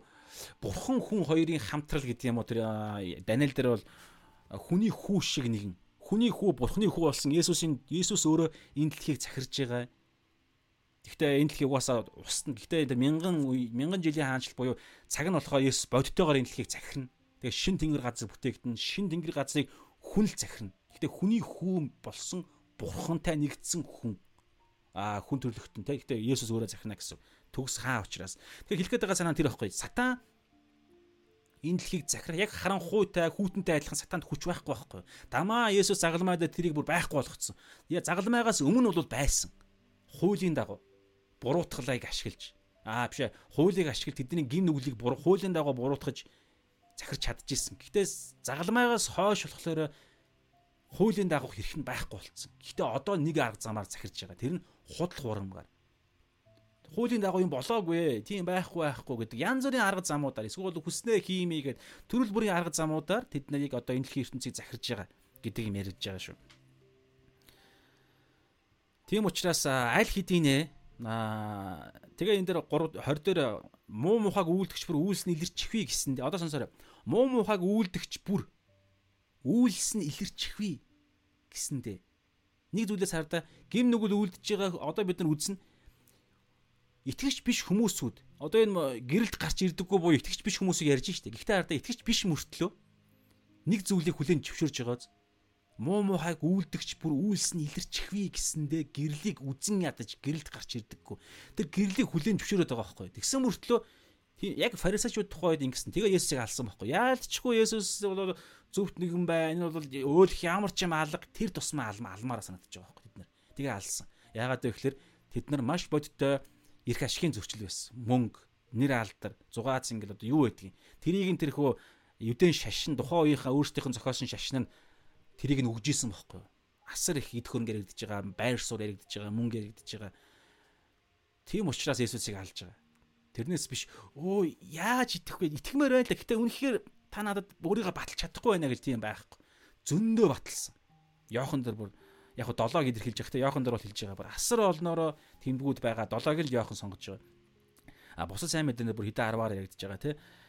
Тэгэхээр ийм байгаад байгаа байхгүй. Гэрлийг муу мухаг үлдэж бүр үйлс нь илэрчихвээ гэсэндээ гэрлийг үзэн ядаж гэрэлд гарч ирдэггүй. Тэгэхээр ингэж ингэж ирэхээр тэд нарын хариу үйл нь юу гэхээр одоо бид нар үзье юу гэхээр нэг сонголт хийж байгаа. Үннийг үннийг тэрхүү муу мухайг хайрлаад тэгээ муу муухай ичхүүр нь ил гарахгүй тулд гэрлийг гэрлийг буюу үннийг зүв зүү бусаар буюу зүвт бус байдлынхаа арга замаар нуун дарж дарах буюу үннийг хүчрхийлж өөрийнх өөрсдийнхөө зүвт бус байдал дотор хорж хорж байгаа гэж байгаа байхгүй яг үннийг хорж байгаа. Тэр утгаараа Эфес 6-гийн 12 дээр бидний тэмцэл бол энэхүү харанхуй ертөнцийн захирагчид эрх мэдэл хүч хүн биш. Цаана байгаа тэрхүү тогтолцоо. Худал хуурмаг байгаа. Даа худал хуурмаг ойлголтууд. Худал хуурмаг хүчээ аваад байгаа тэр ойлголтууд. Тэгээд сүнслэг тэнгэрлэг оршихуйд аливаа ёрын юм уу сүнслэг хүчний эсрэг гэж ярьж байгаа. Тийм учраас тэр худал хуурмаг хүч нь үннийг ингээд дарж байгаа.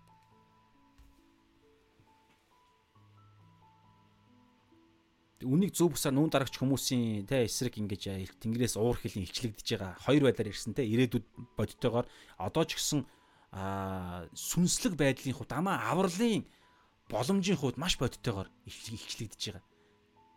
За одоо чааш нэг одоо бүгдээрээ үнцэн эсрэг орё. Тэгэхээр ингэж байгаа. Аа саяны байдлыг ингээд дүгнэхэд ингэж байгаа байхгүй. Аюул яг одоо цаг дээр байгаа учраас аврал яг одоо цаг дээр.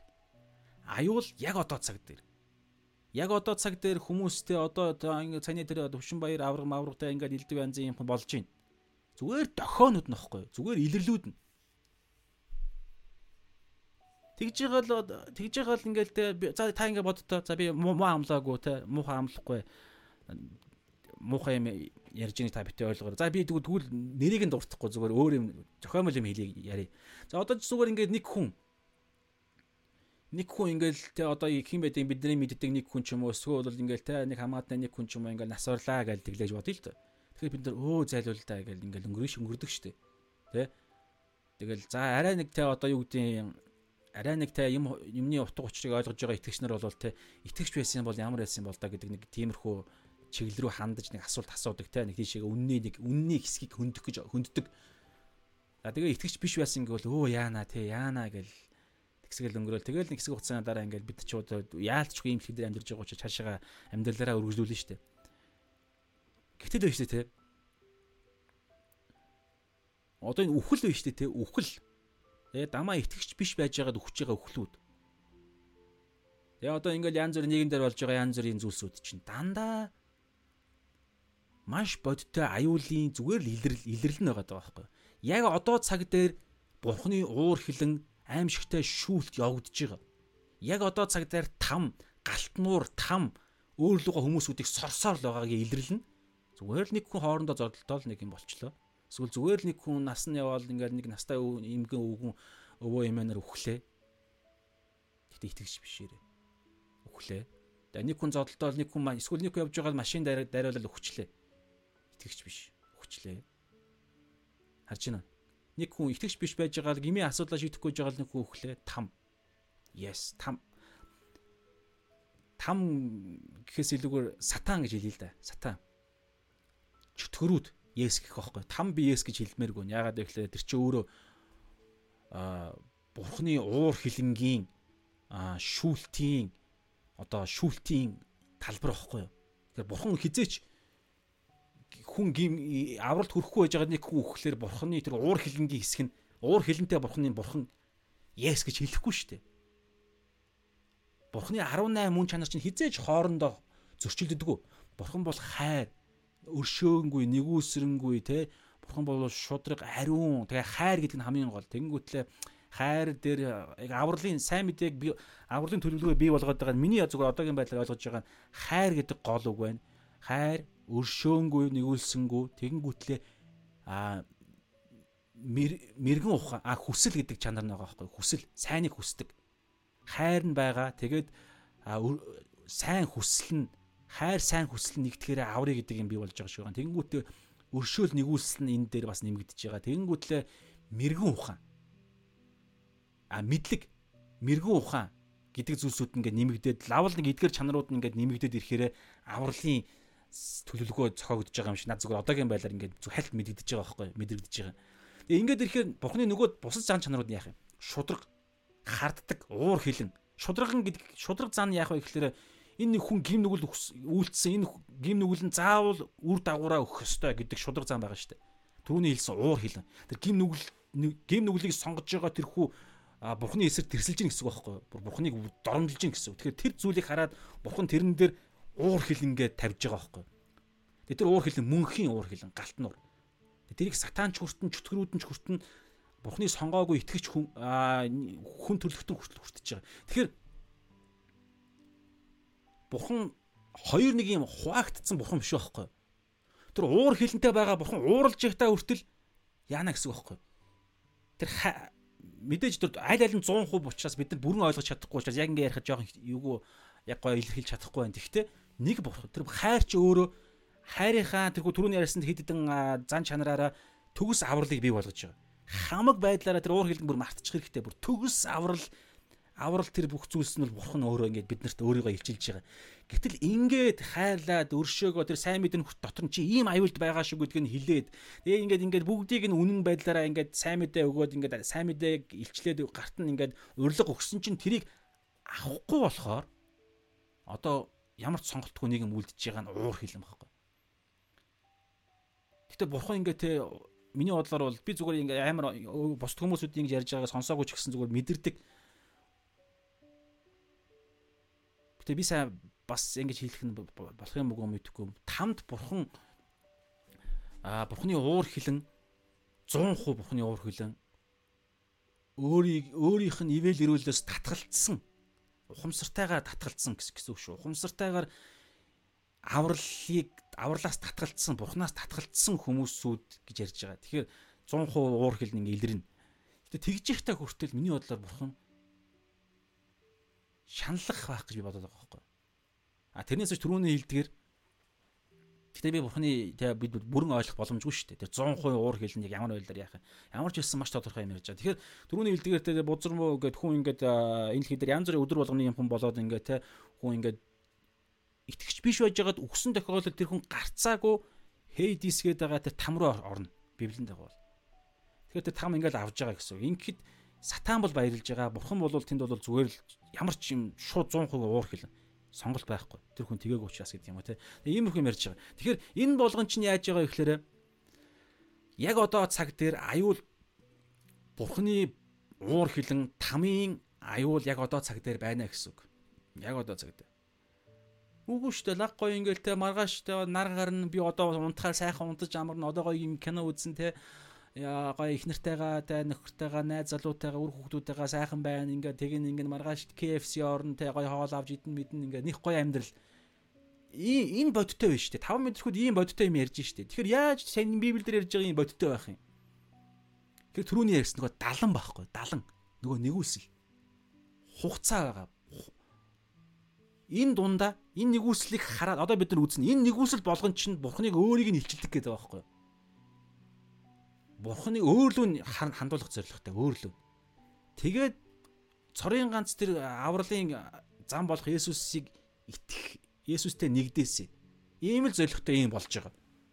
Аа ингээд 70 80 жилийн дараа хүн өгөхөд юу болдгийг. Өгснийхаа дараагаар нь тэр хүн за за эхнийх нь одоо ангин дуусчлаа, сизон дуусчлаа. Хоёрдугаар ангин руугаа орё гэд тэр хүн ингээ цаашаага бодоод явна ингээ цаашаага нэг амьдрал эхлэн тэрийг та мэдж байгаа. Хүн төлөвт мэдэхгүй шүү дээ. Ганцхан Библиэл дээр л хэлж байгаа. Библиэл хэлж байгаа. Тэр нь бол аимшигтэй юм ярьж байгаа. Тэгэхээр эхний энэ хугацаа чинь ерөөсө 2 дугаар сизон 2 дугаар бүлгийн бүлэг дээр л бүлэгээ ямар амьдралаар амьдрахыг шийдэх зорилготой. Тэгэхээр тэр үхлийн дараа үхлийн дараа бол хүндээ за өгчлээ одоо бүгдээрээ за өгсөн хүмүүс одоо хамтдаа яваад KFC орноо өгсөн хүмүүс хамтдаа яваад ийм газар очиж амьдрнаа. За одоо би би би байхгүй болчлаа. Би сүнс биенээсээ гарчлаа. Тэгэхээр нэгэнт сүнс болцсон чи одоо бүгдээрээ Америк руу явнаа. Гоё нисч үзье мүзье. Тийм юм байхгүй. Тийм байхгүй байгаа байхгүй. Аимшигтэй. Энэ дэлхий дээр тодорхой цаг л яригдчихэж байгаа. 70 жил, 80 жил. Тэрний дараа маш тодорхой аимшигтэй юм яригдчихэж байгаа. Тэгэхээр энэ хугацаанд юу бодтойвэ гэдг нь Библи дээр л бүгдээр хэлж байгаа. Сайн ярьж байгаа ойлголт байгаа шүү. Тэгэхээр аврал маш бодит аюул маш бодиттой одоо цаг дээр. Тийм учраас аврал нь яг одоо цаг дээр байгаа. Яг одоо цаг дээр. За тэгээ энэ дээр түрүүний би ганц юм хэлээд Иврэ 7-гийн 25 дээр хэлсэн нэг юм ишлэл байгаа шүү дээ. Би уншчихъя.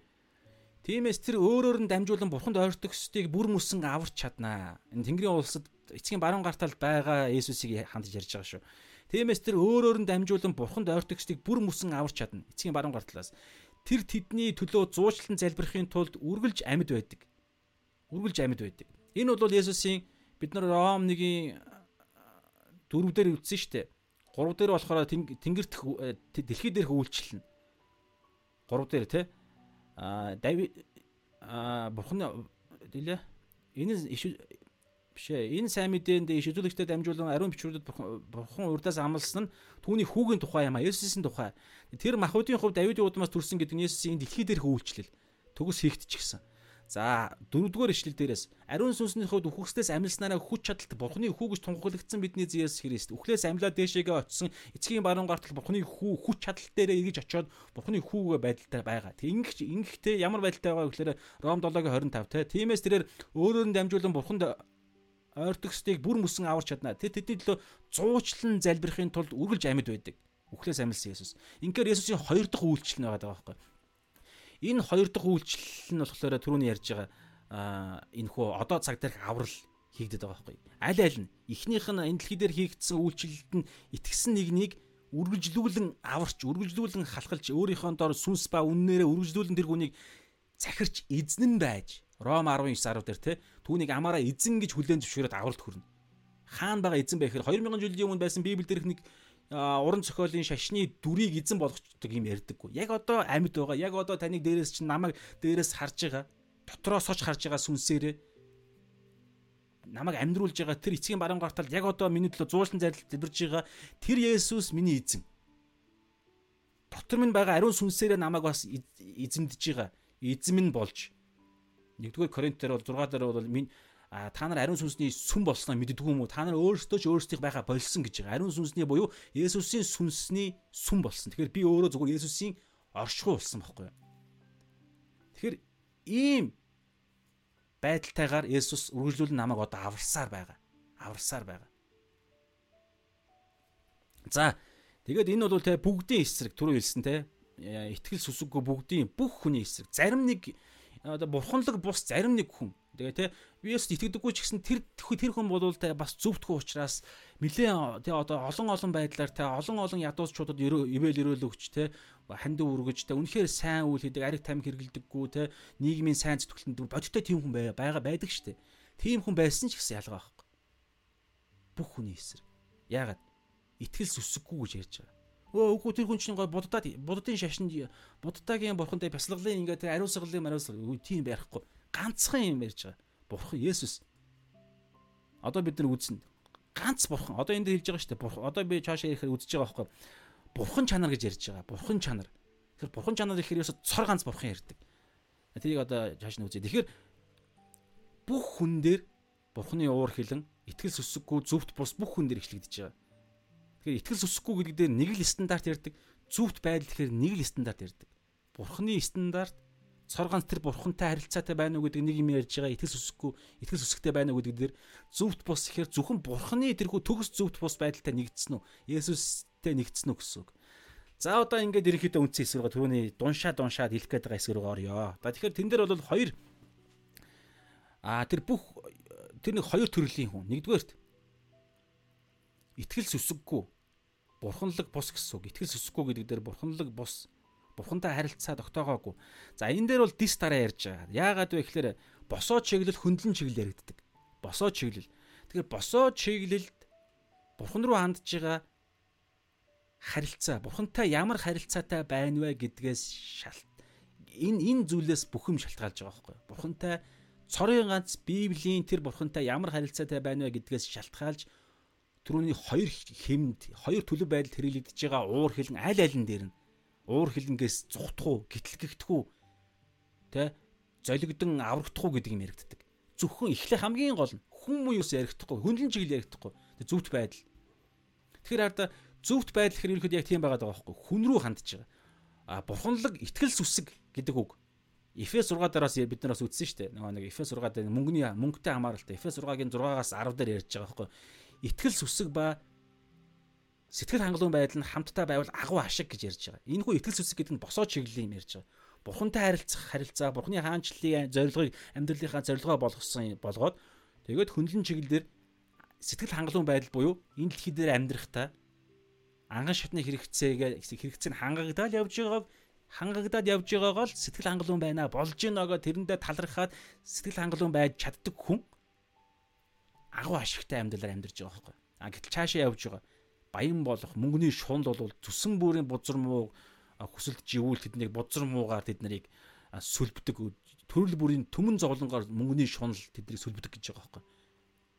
Тэгэхээр мөнгөний мөнгө гэж юу яриад байгаа гэхээр босоо чиглэхгүй юу?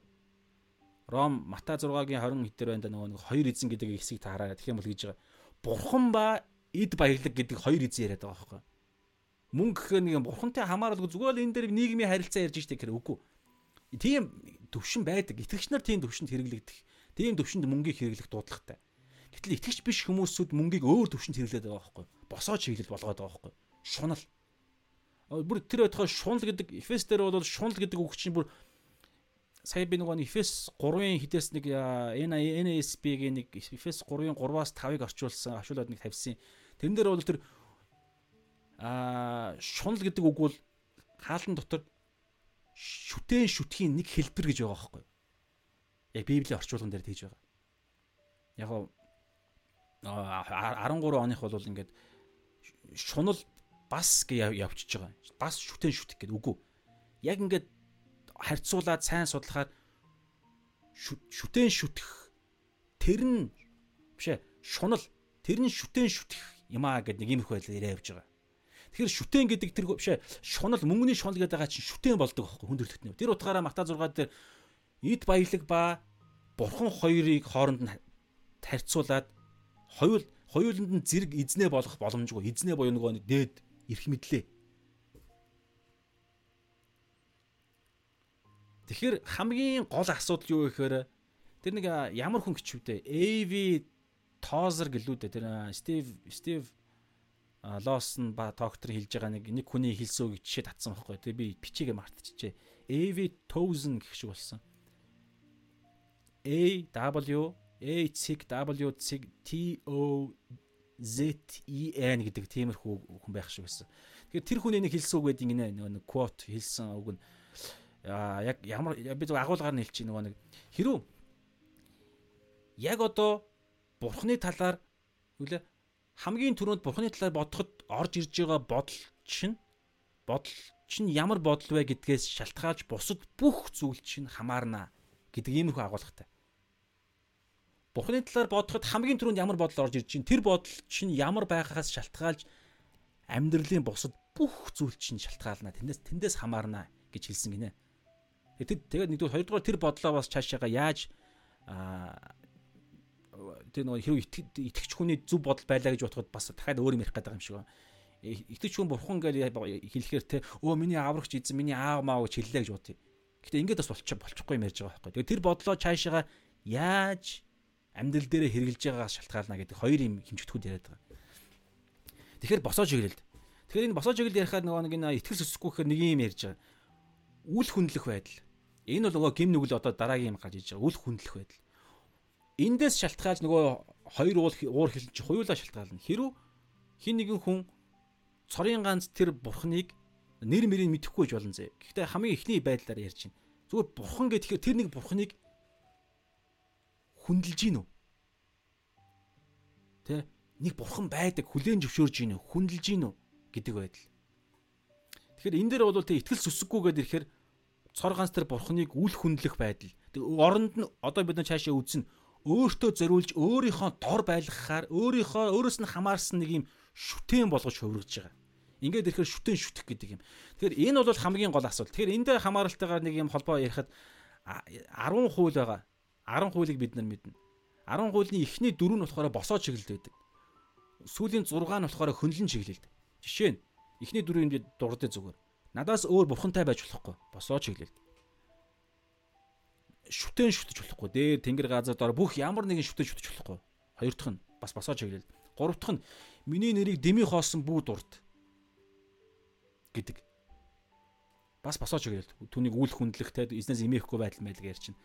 Дөрөвдүгээрт нь амралтын өдрийг ариунаар сах. Босоо чиглэлд. Энэ дөрвөн хууль юу вэ гэхээр бусад бүх хуулийнхан суурь босоо чиглэл бурхантай асуудалтай байвал бусад 6-ыг нь хичнээн биелүүлсэн ч ямар ч нэмэр байхгүй. Тэгэхээр энэ байгаад байгаа байхгүй. Итгэл сүсэггүй гэдэг энэ дээр хэлж байгаа итгэл сүсэггүй гэдэг нь болохоор эхэнд байгаа нь ерөөсөө юм хамаг бузар муугийг ихлүүлж байгаа байхгүй. Тэгээд цааш цаашлаад угаасаа зөксөхгүй байдал нь зөвхт бус байдал нь гарна гэсэн. Тэгээд хоёр дахь нь бол те нөгөө нэг 10% энэ үлдэн 6 нь бол те эцэг ихээ хүндэл хүн аалж болохгүй, завхаарж болохгүй, хулгай яаж болохгүй, худлаа ярьж болохгүй, шунж болохгүй гэдэг юм яригдчихэж байгаа. Тэгэхээр энэ 6 бол дараагийн хөнлөн чиглэлд хүн хүнтэйгээ харилцах. Тэгэхээр зөвхт бус байдал гэхэр хүн хүнтэйгээ харилцах байдал юм ярьж байгаа байхгүй ерөөхдөө бол хүн хүнтэйгээ харилцах. За итгэгч нарын бол арай ондоо ярддаг та мэдж байгаа бол. Гэтэ эндээс бол хамааралтайгаар Есүс Христийн зөвхт байдал дотор нэгдэх юм ярддаг. Гэтэ тэр зөвхт байдал нь зайлшгүй цаашаага итгэлээс итгэл ичлэгдэг гэж буюу гадагшилдаг. Бодиттой одоо энэ хуучин гэрээний 10 хуулийн 6 хууль ч гэсэн угаасаа ингээ хэрэгжинэ гэсэн. Гэтэ эхэлж Есүсийн дотор ээлж дараа нь жоо алдаг өөр байдлаа эсрэгээр ярьдаг шүү. Тэгээд энэ дээр бол тэ зөвхт бус байдлыг илэрхийлж байгаа нэг юм бол юу гэхээр би гэдэг үзэл байгаа байхгүй. Хуваа хичээж байгаа би гэдэг үзэл. А босоо тэр нэг босоо чиглэлтэй итгэл сүсэхгүй байх юм бол бурхныг хүлээн зөвшөөрдөггүй бурхантай харилцаа байхгүй үл хүндэлж байгаа харин оронд нь өөр имийг шүтэнэ болгоод бурхны оронд сонгож байгаа тэр бол хамгийн бүх гим нүглийн хамгийн аюултай хамгийн аимшигтай энэ гим нүгэл байгаа цагт энэ тэгээд удаа дараагийн сайн мэдээ тараалт бурхан өөрийгөө илчилсээр байтал энэ зүйл байгаа л байвал түрүүний үр дагавар гарна гэсэн. Уур хилэн илчлэгдэнэ. Одоо цаг дээр эхлээд бурхан зөнд нь орхино. Тэгээд ирэхээр нөгөө хүн чинь сүүлдээ тэгээд өөрөө өөрийнхөө амьдралаар амьдрна гэсэн. Сайн мэдээ тараахад тэгвэл сонгохоо болно. Дараа дараа тэ сайн мэдээ тараах гад хүн очисон ч гэсэн тэр хүн тэ хилдэг юмтай болно гэсэн. Бүр ингээд мэдлгүүд нь базагдаад нэмэгдээд аа би мэднэ ахын чиний ярьж ярьж байгаа юм биш ахын мэднэ. Надтай урд нь шууд хэлэхгүй ч гэсэн тэ надтай урд нь 15 хүн 20 хүн надад сайн мэдээ тараах гэж оролцсон. Би сонсч үзсэн. Тэгээд итгээгүй эхнийх нь гин байгааз итгээгүй. Тэгээ 20 хүнээс тэр хүнд асар их мэдлэг авна шүү дээ. Тэгээ тэрийг хэлээд одоо чи на тийм хэлчихэж байгаа те. Оо тэгэхээр асуудалгүй ах нь баяртай чи Монгол улсынхаа хуулийн дагуу ахын чөлөөт сонголтоороо Тэгээ одоо итгэхгүй байхыг сонгож байна гэдэг. Тэнгүүд тэгээд тэгэнгүүт бид нарт аа за за яваад үгүй шүү дээ. Тэгээ ингэсээр байгаа сүулдэ тэрхүү ингээд ямар ч найдваргүй бол. Бурхан зүнд нь хаяа.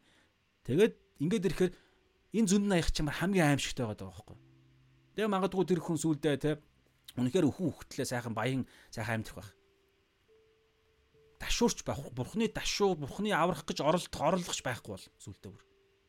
Тэгээд нэг сайхан амьдарч байгаа л төгс амьдралаараа одын амьдралаар амьдарж байгаа л нэг өдөр үхэл дуусна. Зарим итгэгч нар, зарим иш үзүүлэгч нар бол та Майкл Джексоныг тамд байна байгаагаар нь үзүүлэл үтсэн үтсэн гэж яриад байгаа. Яруу үнэхээр тэр ортой байвал Майкл Джексон их их тиймэрхүү над санагдаад байгаа байхгүй. Төгс амьдралаар эд хөрөн нэр алдар бүх юмар төгс амьдрсан шүү дээ. Тэ? Гэтэ амь нас буюу нөгөө энэ модны жимсээс идэх юм бол шууд үхнэ гэж байгаа тэр хүү үхэл буюу өвчин түүнийг аваад явж байгаа. Цаг нь угаасаа дуусч байгаа. Тэр хүртэл тэр цаг ерөнхийн нэгүүлсэл буюу тэр өнөөдрийн жишээ дээр хэлж байгаа тэрхүү 70 авахт хүртэл Майкл Джексон жаргалтай амьдэрсэн шүү дээ. Гэтэ би яг ингэ ярих нь буруу гэсэн бурхан л мэдчихэж байгаа. Үнэхээр итгэж байсан юм уу, гөө юм уу, бүү мэд. Гэтэ ингээд ер нь ингээд интернет интернетээр ингээд харахаар янз бүрийн хүмүүсүүд Майкл Джексон юунд байсан байсан ингээд янз бүр яриад байгаа. Гэтэ тэр тэр яг библийн дагуу бол хин нэгний тэгж хэлэх асуудалтай шүү дээ. Гэтэ үнэхээр яг тэр хүн итгэж биш байсан гэдэг нь тодорхой байвал угаасаа ойлгомжтой байхгүй. Үзэгдэл үзэх шаардлагагүй байхгүй. Тэр хүн оо Майкл Джексийн одоо юу гэдэг ямар нэгэн мэдээллээс оо итгэж байгаагүй зүгээр олон бурхан зэрэг шүтэж явсан гэж хэлэхэд ч гэсэн тэр хүн тамруул явна гэсэн. Оо тэ Есүсийг тэ одоо Библи бол уншдаг байсан. Гэхдээ яг яг яг Есүсийг цорын гад эзнээ болгоод бусад бурхтыг худлах хурм гэж бодож явсан юм уу гэдэг. Үгүй үгүй бусад бүх чашнуудыг гой хүндэлж явсан авсан гэж хэлэл тэгэл асуудалтай. Тийм байхгүй өргөн замаар ерөөс сүрэлт ордог. Хавчих хаалга гэдэг та матаа дээр байгаа хэсэг унших юм бол ганцхан зам байна. Тэгээд яг итгэж хүний амьдрал тийм амьдрал байх юм бүүмэд. Тэгэхээр ер нь хэлэх гээд хэлэх байгаа санаа бол ерөөсөө тийм байхгүй. Зөнд нь орхино гэдэг чи яг тийм. Сүүлдээ бүр ингээд сайхан амьдралаар амьдарж байгаа л насныхаа аясаар өгсөн ч гэсэн хамгийн аимшигтай. Тэрнээс наан өвчин тусаад, хор тавдар тусаад, эсвэл тэр баяа ядуу амьдралаар амьдраад, янз бүрийн асуудал донд амьдраад тэр асуудал нь түүнийг амьдралын үннийг харахад нь хүргээ тэгээд гимшээд бурхнаас аврал ирээд цуглаан дээр ирээд тусламж гуйгаад мөнгө төгрөг гуйгаад солонгос руу имчилгээнд явуулж өгөөч залбирч өгөөч гэдэг янз бүр арга замаар явж явж байгаад итгэж боллоо гэж бодоход тэр ерөөл ихгүй харин ихгүйгээр инлэхэд сайхан амьдарж байгаад өхвөл тэр бол хараал тэр бол бурхны уур хилэнг одоо цаг дээр хүртэж исэн хүн байна гэсэн. Гэхдээ тэр нь шууд тийм амаргүй ш. Наа янз бүрийн тэрхүү зүйлсүүдийг тэр хүн тэ энэ хөө итгэл сүсэггүй байдлыг бий болгосон учраас тэгж орхиж байна гэдэг юм ярьж байгаа байхгүй. За тэгээд ийм ярьж байгаа. За тэгэнгүүтлээ одоо бүгдээрээ дараагийн хэсэг рүү орё гэж бодож чинь. Тэрний юу гэхээр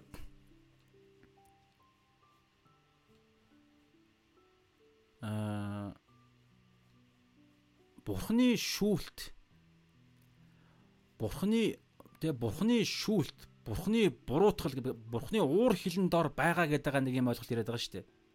Тэгэхээр энэ ойлголт биш те ямар байдлаар ярьж байгаа гэхээр хоёр аа байдлаар үр дагавраа гаргаад байгаа байхгүй юу. Түрүүн одоо энэ дараа сайн мэдээ сайн мэдээ сайн мэдээний талаар Паул ингээд төгс энэ гайхалтай 16 бүлэг юм а бичгтээ хамгийн эхлээд 3 бүлэг баг 3 бүлэг шахуу дүүрэн шахуу зүйлсүүдийг хамгийн эхнийхэн сайн мэдээний танилцуулга нь уур хилэнгээр хэлж байгаа. Муу мэдээгээр хэлж байгаа. Тэгэхээр яагаад гэвэл муу мэдээ чинь сайн мэдээ рүү чиглүүлдэг гэж яриад байгаа шүү дээ. Гэхдээ дандаа юм байхгүй гэсэн. Зарим хүмүүсүүд нь эсэргээрээ хариулт гаргаж байгаа. Тэр нь бол түрүүний ярьсан тэр итгэл сүсэхгүй байл. Тэгэхээр бурхны шүүлт, бурхны зэмлэл, буруутгал, уур хилэн гэдэг зүйл чи хоёр байдалтай юм үр дагаврыг бий болгоод байгаа. Тэрийг бүгдээр нь хоёр ишлэр харъя. Нэгдүгээрт түрүүний ярьсан гэхдээ дахиад нэг дуртчих. Тэрний юу гэхээр итгэгч биш а итгэхгүй байхыг сонгож байгаа хүмүүсүүд нөгөөх нь болохоор итгэхийг сонгож байгаа хүмүүсүүд. Гэтэ хуйлаа Бурхны уур хилэнгээс гарч байгаа үр дагавар байгаа байхгүй. Тэр утгаараа сайн мэдээ эхэлж эндээс эхэлж байгаа. Энэ маш зөв. А магадгүй те одоо бид нар хүүхэд байхдаа цоглоонд явсан ч юм уу эсвэл янз бүрийн те нэм охин харах гэж банд харах гэж залуу харах гэж эсвэл гитар гитар сурах гэж хэл сурах гэж явсан байж болно. Би цуглаанд явахыг яриаггүй. Итгэхэд сайн мэдээг хүлээж авахд эхэлж дис дараа нь яг ингэдэг байгаа байхгүй. Эхэлж тэр хүн гимшдэг. Яг цуглаанда ямар нэгэн байдлаар ингэ явж иж болно. Тэгж яхад нэг тодорхой нэг үед ирэхээр тэр хүн өөрийгөө холж харна гэсэн үг. Тэгээд аюултай байдал байгаагаа олж хараад гимшиж Есүсийн өмнө ирж сүнсэндээ ядуу байдалтай байдлаа ирж Есүс дахин төрөх гэдэг баптизмын ойлголт ч бас загалмай өхөл амьлалын ойлголт. Тэгэхээр бүгдээ нэг хоёр ишлэг уншия. Нэгдүгээр Ром 3:13 түрүү яг уншицсан гэхдээ дахиад уншия. Бурханаас эмээх үеийн тэдний нүдэнд үгүй. Тэгэхээр та Бурханы шүүлт ярьсан буруутгал сайн мэдээгд ярьсан уур хилэн байна гэж хэлсэн тамийн шийтгэл байна. Чи там руу явж гинэ гэж хэлээд байхад энэ мэдээ буюу энэхүү бурхны дүр төрх эдгээр үннүүдийг сонсоод сонссны дараа ч гэсэн бурхнаас эмээхгүй гэдэг зүйл тэдний нүдэнд байхгүй бол нөгөө нэг зөнд нь орхих гэдэг ойлголтож ярьж байгаа. Тэгэхээр бурхны уур хилэнгийн хоёр дахь уур хилэн. Тэгээд цаг нь болохоор биш эхний уур хилэн. Цаг нь болохоор хоёр дахь нь ч гэсэн илчлэгдэнэ гэсэн. Бурхнаас үл эмээх байдал. Бурхнаас үл эмээх байдал. Хоёрдугаарх нь итгэгчдийн хувьд сургаалт өгс нэгийн өөр олон яав моог олон газар байгаа тийм. Гэхдээ энэ дээр сургаалт өгс нэгийг нь олоо. Эзнээс эмээхгүй нь бурхнаас эмээх нь мэдлэгийн эхлэл юм аа. Мэргэн ухаан хийгээд сургамжийг мунхахгүй л үл тоомсордог. Тэгэхээр итгэгч хүмүүсүүд бурхнаас эмээх эмээц ерөөл болж хувирдаг. Итгэгч биш хүмүүсүүд болохоор энэ бүр хараал Бурхны уур хилэн авах болж байгаа. Бурхнаас имээхгүй болохоор шууд хоёр уур хилэнгийн эхний уур хилэнгийн энэ дэлхий дээр эдлэн тэр нь зөнд нь зөндөө зөнд нь орхид нөгөө ирэх хүсэж байгаа их чөлөөг нь бурхан өгнө гэсэн. Тэгээд энэ ирэх чөлөө нь хаашаа хөтлөх хөтлөх вэ гэхээр нөгөө өргөн зам болоод цаг нь болохоор энэ хүн бурхны хоёр дахь буюу төгс уур хилэнг бид нар авна гэсэн. Харин итгэгч хүмүүсүүд Бурхнаар сонгогдсон хүмүүсд яах вэ гэхээр эзнээс эмээх нь мэдлэгийн эхлэл буюу Бурхнаас эмээх Бурхны түүний шүүлт мүлтэр аимшигтай зүйлсүүдийг олж мэдэнгүүтлээ эзнээс эмээснээрээ мэдлэгт үнэнд ирдэг. Есүс Христэд итгэдэг. За ингэж ярьж байгаа. За тэгэнгүүтлээ энэ дээр нэг зүйлийг хэлье. Стив Лоусон пастор бас ярьсан. Энийг бас би дамжуулъя гэж бодож байна. Юу ихлээр чуулган дотор чуулган дотор маш аюултай ийм төлөв байдал байгаа гэж байна. Би бас урд нь ярьжсэн лавдаг чуулгантай хамааралтайгаар Есүс ч гэсэн хэлсэн. Паул ч гэсэн хэлсэн. Эцсийн үеүүдэд те хүмүүс те нөгөө нэг э, Тимот дээр хэлж байгаа шүү дээ. Эцсийн үеүүдэд хүмүүс жихийг нь гижигдсэн те нүдийг зүрхийг нь хөрлөгдсөн үлгэр домог янз бүрийн зүйлсүүдийг хүсээд үнэн сургаалыг татгалзнаа гэж ярьж байгаа байхгүй. Тэгэхээр чуулган сургаал сонсдог хүмүүсүүд дотроо чуулганы хүмүүсүүд дотроо ийм хүмүүсүүд эцсийн үеүүдэд олноороо гарч ирнэ гэж ярьж байгаа. Тэгэхээр Библийн дагуу үннийг хэлж байгаа пастрыгаа янз бүрийн байдлаар ингэж явж явж байгаа тэр пастор ч гэсэн яваад өгнө. Тэгээ оронд нь хин нэг үнийг цалинжуулдаг ч юм уу хин нэг үнийг урьж дуутахаараа янз бүрийн гоё юм ярьдаг. Дандаа тэ сэргэн мандалтай нийгэмдээ яаж байр суурьаа эзлэх үү? Тэ яавал бид нартэй одоо орлогоо яах уу ч гэдэг юм уу те яавал итгэвч хүмүүсүүтэй одоо нийгмийн хүмүүс нийгэмтэй хөл зэрэгцэж алах уу ч гэдэг юм уу эдгээр ойлголтуудыг ярьдаг байнга л эднийг сонгож номлодог ийм хүмүүсүүдийг хүмүүс сонгоно гэж Гэтэ ингэж ярьдаг хүмүүс хүн болгоныг э, хуурамч ишүүлүүлэгч хэлэхгүй нэг талаараа. Гэтэ нөгөө талаараа тэр хүн мэхлэгдээд ийм байдалд орж их магталтай байхгүй. Яагаад вэ гэхээр Библиэл дээр байгаа. Матай 28-ийн агуу захирам дээр ч байгаа. Миний та нарт тушаасан бүгдийг бүгдийг сахин биелүүлэхэд тэдэнд заа гэж байгаа. Тэгэхээр өөрөө бид нар сахин биелүүлдэг байх хэрэгтэй гэсэн. Тэгээ тэрийг зааж амьдралаараа харуулна гэсэн. Гэтэ хамгийн гол нь Есүсийн тушаасан бүгдийг сахин биелүүлэх. Есүс юу тушаасан? Зөвхөн сайн мэдээний дөрөв ном биш шүү дээ. Йохан 16 дээр хэлж байгаа. Тэр сүнс ариун сүнс өөрөөс юу ч ярихгүй. Миний хэлсэн болгоныг та нарт заанаа сануулнаа гэж байгаа. Тэгэхээр Есүс дээшигээ бас Йохан 16 дээр хэлж байгаа шүү дээ. 16-гийн 7 дээр би миний явах та нарт хэрэгтэй. Би яваад туслагчийг та нарт илгээнэ гэж хэлж байгаа. Тэгээд Есүс дээшээ яваад ариун сүнсийг илгээж байгаа. Тэгээд түрүүн хэлсэн эцгийн баруун гар талаас үргэлжлүүлэн заасан. Нэгдүгээр хоёрдугаар Тимот 3:16 бичвэр бүр Бурхны амьсгалснаар байгаа бөгөө заахад зэмлэхэд залруулах зүт байдал чиглүүлэхэд тустай. Энэ итгэгчдийг тэ барьж байгуулах зорилготой. Тэгэхээр бичвэр бүр буюу Библийн 66 ном. За 66 төр 39-ийн хойшин тавьчих. Есүсийн 27 ном баггүй? Есүсийн өөрийнх нь хэлсэн амнаас нь гарсан үгс. Яагаад? Ариун түрүү хэлсэн 2 дугаар Тимот 3:16 бичвэр бүр Бурхны амьсгалснаар Бурхан буюу Есүс хүн Бурхны хүү Есүс миний та нар тэр сүнс өөрөөсөө юу ч ярихгүй миний хэлсэн болгоныг заана гэж түр Иохан дээр хэлсэн шүү дээ. Тэгэхээр ариун сүнс өөрөөсөө юм ярьдаггүй. Есүсийн хэлсэн юмыг. Тэгэхээр Матай агуу захирамжтай хэлж байгаа үг чинь миний та нар тушаасан болгоны гэдэг дээр зөвхөн сайн мэдээний дөрөв ном биш. 27 ном бүгдээрээ. Тэгэхээр бид бүгдийг нь заах ёстой. Бүгдийг нь заах ёстой. Илчлэлт номч орно. Тийм учраас бид сурах ёстой, судлах ёстой, үз тарах ёстой. Тэг бүгдийг нь заах дуудлагатай байхад Ян зүрийн эвгүй эвгүй жоохон ингээ те одоо энэ өнөөдөр энэ дэр хэлж байгаа чинь жишээ нь Ром Ром 1:18-аас 3-ын 20 20 эндээс жишээ нь хүмүүс номлохгүй гэж магадгүй. Үгүй, номлох ёстой. Тэр тусмаа хамгийн ихэнд номлох ёстой байгаа байхгүй. Гэтэл үгүй тэгэхэр чи манай итгэгч нар ингээд яана жоохон ингээд яагаад магаа те ингээд цуглаанаа явах явахгүй бол яана манай өнөөдөр шинэ хүн байгаа. Тэгэхээр шинэ хүн юм чинь бас ингээд айлгаад яах юм яах юм юу? Та хин юм бэ? Би хин юм бэ? Есүс хэлсэн шүү дээ. Тушаасан болгоныг сахин бүлгээ зам хэдэн заах хэрэгтэй. Тэгээ Иохан 16 дээр ч ариун сэлж ариун сүнс гурван байдлаар ертөнцийг яллна гэж байгаа байхгүй. Нэгдүгээр Коринтер ч гэсэн 14 дээр бас байгаа.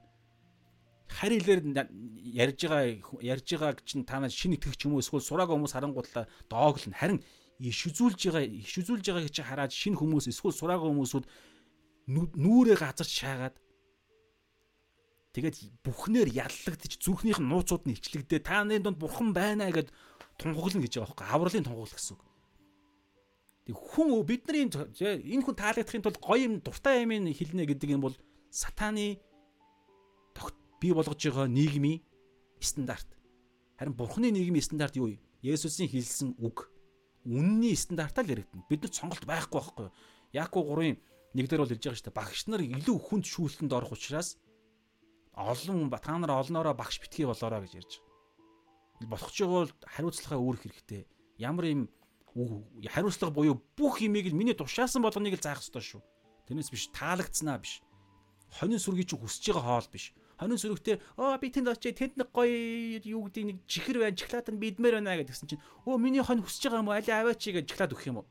Эсвэл одоо юу гэдэг энэ гоё дотор нь гоё юу байгаа юм те? Дотор нь гоё сүү байгаа юм. Тэгэхээр би энэ зармиг идий гэдэг юм өө маамаа гэж зармиг өгсөн чинь гаднах тортой нь ууттай нийтжүүл яах юм ходоодонд ороод гидсэн өвтгөн шүү Тэр хонь мэдхгүй байхгүй юу? Хоньос үрч мэдхгүй. Хин мэдхгүйгээр төгс хончин болсон Есүс л мэднэ. Тэгэхээр Есүсийн хэлсэн үг болгоныг л заах дуудлагатай гэдэг байгаа нь тэр. Тэгэхээр би сая юу ярьж байгаа ийш орж байгаа гэхээр Бухнаас имэх гэдэг нь итгэвч хүн болгонд ерөөл мэдлэгийн эхлэл болж байгаа байхгүй юу? Тэр Матай 28-ын 20 дээр хэлж байгаа шүү дээ. Би та үеийн төгсгөл хүртэл би та нартай үргэлж хамт байна гэж байгаа. 18 дээр нь тэнгэр газар дээрх бүх эрх мэдлийг надад өгсөн. Энэ эрх мэдлэлтэй. Тэгээд энэ уур хилэнтэй 18 мөн чанарынхаа нэг болох ууралдаг, шударгаас тооцдог. Яаку 3-1 дээр хэлсэн шүү дээ. Багш нарыг илүү хүн дээр шүүх. За багш нар ч ялгаа байхгүй, итгэгч нар ч гэсэн ялгаа байхгүй. Үйлсээр шүүгдэн. Тэгэхээр тэр нэгэн үеийн төгсгөл хүртэл би та нартай өрүүлж хамт байна буюу яг одоо чуулган дээр хамт байгаа. Тэгээд бүх зүйл тооцоо бодогдож яв. Бурханаас имээхгүй, имээх, эзнээс имээх гэдэг ойлголт бол ерөөл гэдэг байгаа тэр байгаа байхгүй. Эзнээс имээвэл яах вэ гэхээр сатанаас айхгүй. Эзнээс имээвэл өөрсдийнхөө махуудын хүслээсээ айхгүй бол таарна гэсэн. Эзнээс имээ имээх юм бол худал хурамнаас айхгүй болж байгаа байхгүй. Харин эзнээс имээхгүй байгаад ирэхээр цаагаараа аюулт аюулд орно гэсэн. Нөгөө өө энэ эзэнгүү энэ гэр эзэнгүү болчлоо. Манайхаа дайрыг л тэгнэ тэг ш. Тэгэхээр худал хурамч зүсөө хувилгаал янз бүрийн байдлаар орж байна. Тийм учраас маш тодорхой 66 ном бүхий эзэн маш бодиттой бидний дотор нутгалж байгаа ариун сүнс хоёр бидний Есүсийн аа Есүс ихгүй юу ерөөхдөө бол Есүсийн үг ба сүнс Есүсийн Есүс гэж байгаа ерөөхдөө бол Тэгэхээр энэ дээр бол эзнес имэх гэдэг бол маш чухал шүү. За тэгээд дараагийн санаа нь юу гэхээр нуун дадлах гэдэг дээр түрүү ярьсан гэтээ би дахиад хэлье. 18-ыг ингээд бид ойлгочих юм бол цаашаага дуржих нь чинь маш амархан. Тэгэхээр 18 ч нөгөө бүх зүйлийн Ром 1-ийн 18-аас 3-ын 3 дугаар бүлгийн 20 дугаар хинхүү бурхны уур хөлн бүх хүн төрлөختөн дээр ишлэгдэг гэдгийг гарчих нь буюу таг нь учраас бид нар жоохон нухаж байгаа шүү. Тэгээ тэгээ ойлгочаарай. Тэгэхээр энэ 18 дотор ингэж байгаа шүү дээ. Үннийг зүв бусаар нуун дарагч. Үннийг зүв бусаар нуун дарагч тий. Тэгэхээр үнэн гэдэг дээр бол ерөнхийдөө түрүү хэлж байгаа бурхны ерөө бурхан л гэсэн үг шүү дээ. Есүс Есүс өөрөө аахгүй юу? Есүс ч өөрөө үг үнэн. Би бол зам үнэн аим мог Йох 14:6. Тэгэхээр Есүсийн үг ба үнэн Тэгээ тэр стандарт а Есүсийн тэр бүх зүйл. Тэгээ тэрийг ерөнхийдөө бол бурхан л гэсэн санаа л бурхан. Гэтэ одоо энэ дээр болохоор ямар хамс дээр хэлэгдэж байгаа гэхээр бурхан байдаг гэдгийг бурхан байдаг гэдгийг гэдэг тэр үнэн тэр баталгаа гэсэн санаагаар явж байгаа. За тэгэхээр тэрийг бүгдээрээ цаашаа тэгээ үзье. Тэгэхээр үннийг зүү бусаар буюу яг зүү бусаар гэхээр нэг талаараа ойлгох нэгтээ бас нэг байдлаар ингээ англи дээр бас арай өөр байгаад байгаа. Англи хэл англи хэлийг хамт харахаар их гоё шүү. Ядаж тодроод ирдэг гоё ингээ. Тэгэхээр ингэж байгаа байхгүй зүвт бус байдал дотроо гэдэг байдлаар илэрхийлж байгаа. Зүвт бус байдал дотор эсвэл зүвт бус байдлаа ашиглан гэдэг байдлаар. Үн үннийг бурхан байдаг гэдэг үннийг зүвт бус байдал дотроо нуун дарж хордог хүчрхийлдэг. Эсвэл үнэн бурхан байдаг гэдэг үннийг зүвт бус байдлаа ашиглаад нуун дарж хүчрхийлж хордог байхгүй мэт дарж ингэж боомлдог гэж ярьж байгаа. Ийм ойлголт ярьж байгаа. Ингээд ирэхээр ингэж нуун дарж боомлж байгаа тухайн хүн нь хэрв Монгол улсын ерөнхийлөгч ямар нэгэн улсын хууль байгуулагч болвол аюултай болж ирж байгааз. Тэр утгаараа Еврей Ром 13 дээр ч гэсэн хэлдэг санагдаж байна. Өдөртөгчдийн төлөө залбирах хэрэгтэй гэж ярьж байгаа. Өдөртөгчдийн төлөө тэгвэл амар тайван төлөв төвшин амьдрын амьдрна гэж ярьж байгаа.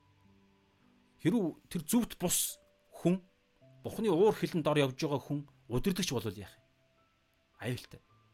Аа Тэгэд яагаад залбираа гэж байгаа гэхэл мэдээж авралын төлөө бол залбирна. Гэхдээ бас нэг миний миний хувьд ойлгож байгаа нь юу гэхээр залбирахтаа бас нэг залбирал нь юу гэхээр тэр хүн байр суурь тэр байр суурь нь хариуцлага тооцохдох юм уу те аа мэдээж тэр яг өөрийнхөө зоргоороо байвал тэр хүн ингээд үннийг 100 бусаа нуун дарна шүү дээ. Гэхдээ тэр альва Ром 13 дээр бол бүх эрх мэдэл эзнес гэдэг гэж эхэлж байгаа шүү дээ. Бүх эрх мэдэл эзнес. Тэгэхээр тэр бүх эрх мэдэл буюу тэрхүү хүний тэрхүү нөгөө нэг мэс чанар а нийтлэг хүн болгонд хүлээн зөвшөөрөгдсөн ёс суртахуун ёс зүй гэдэг тэр зүйл чинь өөрөө аливаа улс үндэстний дээр эрх мэдэл болдог шүү дээ, тий. Гитлер шиг л онцгой түүхэн юм болчихгүй болвол тий. Гэхдээ тэр тэгсэн ч гэсэн цаг нь болохоор дотроосоо босч ирж тий Гитлерийг унгаас унгаах хүмүүсүүд Германыхын хүмүүс зөндөө хүмүүсүүд гарч тухайн үед тэмцэжсэн шүү дээ, тий. Тэгэхээр эрх мэдэл өөрөө ингээд бурхны стандарт болж идэг байхгүй юу? Та Ром 13 руу орохоор бид нар үзнэ. Сүүлийн хэсэг рүү орохоор үзнэ. Яаж амьдрах вэ? Итгэж хүмүүс энэ ярьсан 8 хүртэл ярьсан юмараа яаж амьдрах вэ гэдэг дээр энэ хэсэг нэг байхгүй юу? Тэгэхээр тийм учраас залбирахтаа тухайн хүн өнөхөр зүвт бус байсан ч гэсэн тэр тэр дотроо байгаа бухны дүр төрхөө бүтээгсэн тэр мэс чанар дотроо яардаж захирагдаа тэр хүн хил хязгаартай байгаасаа гэдэг нэг иймэрхүү залбир зүгээр надад бодогддог байхгүй юу. Зүгээр иймэрхүү зүйл. Гэт яг энэ ишлэл нь бүгдээ судлахаараа нэмэлт нэмэлт хүмүүсүүдийн ярьж байгаа зүйлийг яриад илүү бодиттой үзнэ. За за одоо бүгдээрээ шаашаага явъя. Өөр огсон юм уу вэ? Өөрсдөө бурхад болох бурхныг үннийг далладаг. Аа тийм. Үннийг хард ангиж байгаа байхгүй. Үннийг аа зүв бусаар зөвхт бус байдал дотроо нуун дарах хүчрхийлэх хорих эсвэл зүвт бус байдлаа ашиглаад нуун дарах хүчээр хийх. Тэр зүуд бус байдал гэдэг нь өөрөө юу гэхээр би гэдэг үзэл байхгүй. Хуваа хичээсэн үзэл би би би гэдэг. Өөрөөр хэлбэл яг л эхлэл эхлэл номон дээр нэг 3 дугаар бүлэг дээр байгаа Адам Ява хоёрыг сорьсон могоон гол юу байхгүй юу? Та нар бурхантай адилхан болно. Бурхан шиг болно.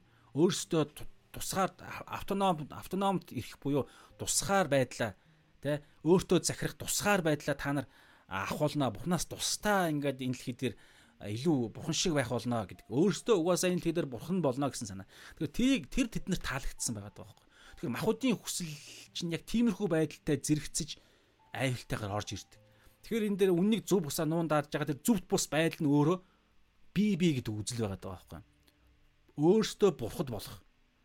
Тэгэхээр бурханы тийм учраас харин жинхэнэ бурханыгаа тэд нар далдлнаа дарж байхгүй бурхан гэж байдаггүй маа гэдэг юм хэлнэ гэсэн. Дотроо мэс чанар нь одоо бид нар үзэн дотроо мэс чанар нь бурхан байгаа ямар нэг юм байгаа гэж хэлсэн ч гэсэн өөрсдийнх нь нэг хүслэнд аваад байгаа нь юу гэхээр үгүй би энэ дэлхий дээр бурхан шиг баймаар байна. Би яг ингэж өөрөө ойлгож байгаа юм уу мэдэхгүй. Ямар ч байсан би хүснээ хийж амьдрмаар байна. Би ийм юм хүсэж чинь гэдэг нэг иймэрхүү иймэрхүү байдлаасаа болоод тэр хүслийг нь илчлэх гээд байгаа. Түрүүн Йохан 3-ын 20 дээр хэлсэн шүү дээ.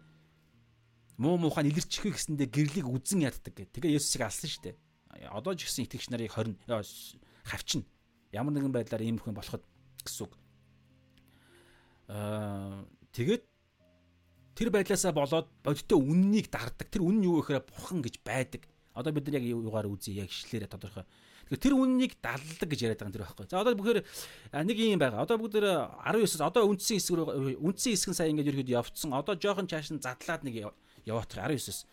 19-с 20-оор нэг яваад 21-ээс 23 гэдэг ерөнхийдөө дуусах. Одоо ялцуулна. Тэгэхээр 20-оос 19-оос 20-ыг уншаад хий. За одоо учирсан гэж хэлж байгаа. Яагаад нэг юм асуулт тавих байхгүй. Яагаад бурхны уур хилэн эдгэр хүмүүсүүдээр ичлэгддэг вэ? Тэд нар яаж үннийг нуун дарддаг вэ? Тэгэхээр үннийг нуун дарж байгаа учраас бурхны уур хилэн ичлэгдэж байгаа гэж хэлсэнтэй. Гэхдээ яаж тэр үннийг нуун дардыг? Яаж нуун дардыг гэдэг асуултан дээр одоо 19-с 20 хариулна гэсэн. За би уншия. Учир нь бурхны тухай мэдэж болох яагаад бурхны уур хилэн авсан бай? Яагаад тэд нар үннийг нуун дарддаг вэ гэхлээр гээд 19 рүү оръё. Учир нь бурхны тухай мэдэж болох зүйл Учир нь бурхны тухай мэдэж болох зүйл яагаад ингэж ярьж байгаа гэхээр бурхан гэдэг зүйлтэй л түрүү ирсэн шүү дээ. Бурхан гэдэг энэ асуудлаа л энэ бурхантай л яаж харьцаж чинь гэдгээс шалтгаалж бүх зүйл шийдэгдэж байгаа байхгүй. Тийм учраас энд шууд хэлж байгаа гол асуудал ерөөсөө. Учир нь бурхны тухай мэдэж болох зүйл тэдний дунд илэрхий байдаг агаад бурхан тэдэнд үүнийг ил болгосон юм аа. Яаж ил болгосон гэхээр ертөнц бүтээгт 20 ертөнц бүтээгчснээс хойш түүний үл үзэгдэх чанарууд үл үзэгдэх чанарууд гингүүтээ тэр үл үзэгдэх чанар нь ямар чанар вэ гэхэлэр гэсэн үг. Яг тийм байдлаар англи дээр байгаа байхгүй. Түүний үл үзэгдэх чанарууд тэдгээр нь гингүүтлээ түүний мөн хүч ба бурхан чанар нь бүтээгдсэн зүйлсээр нь дамжин ойлгогдож илэрхий харагдаж байгаа тул тэдэнд шалтгаан байхгүй. Тэгэхээр ертөнц бүтээгснээс хойш бурхан бурханы үл үзэгдэх чанарууд дундаа бурханы хүч чадал бурхан чанар гэдэг би цааш нь тайлбарлана. Энэ хоёр чадал нь бүтээгдсэн зүйлээр нь дамжуулан илэрхий харагдаж байгаа. Ингэснээр 19 Учир нь бурханы тухай ингэснээр бурхан өөрийгөө байдаг гэдэг үнэнгээ харуулсан гэсэн үг. Хүчтэй гэдгээ бурхан чанараа харуулсан гэсэн үг. Гэтэл тэрийг далдалж байгаа. Тэрнээс биш чадахгүй дээ, ойлгохгүй дээ, бурхан гэж байхгүй байна, бурхан харагдахгүй байна.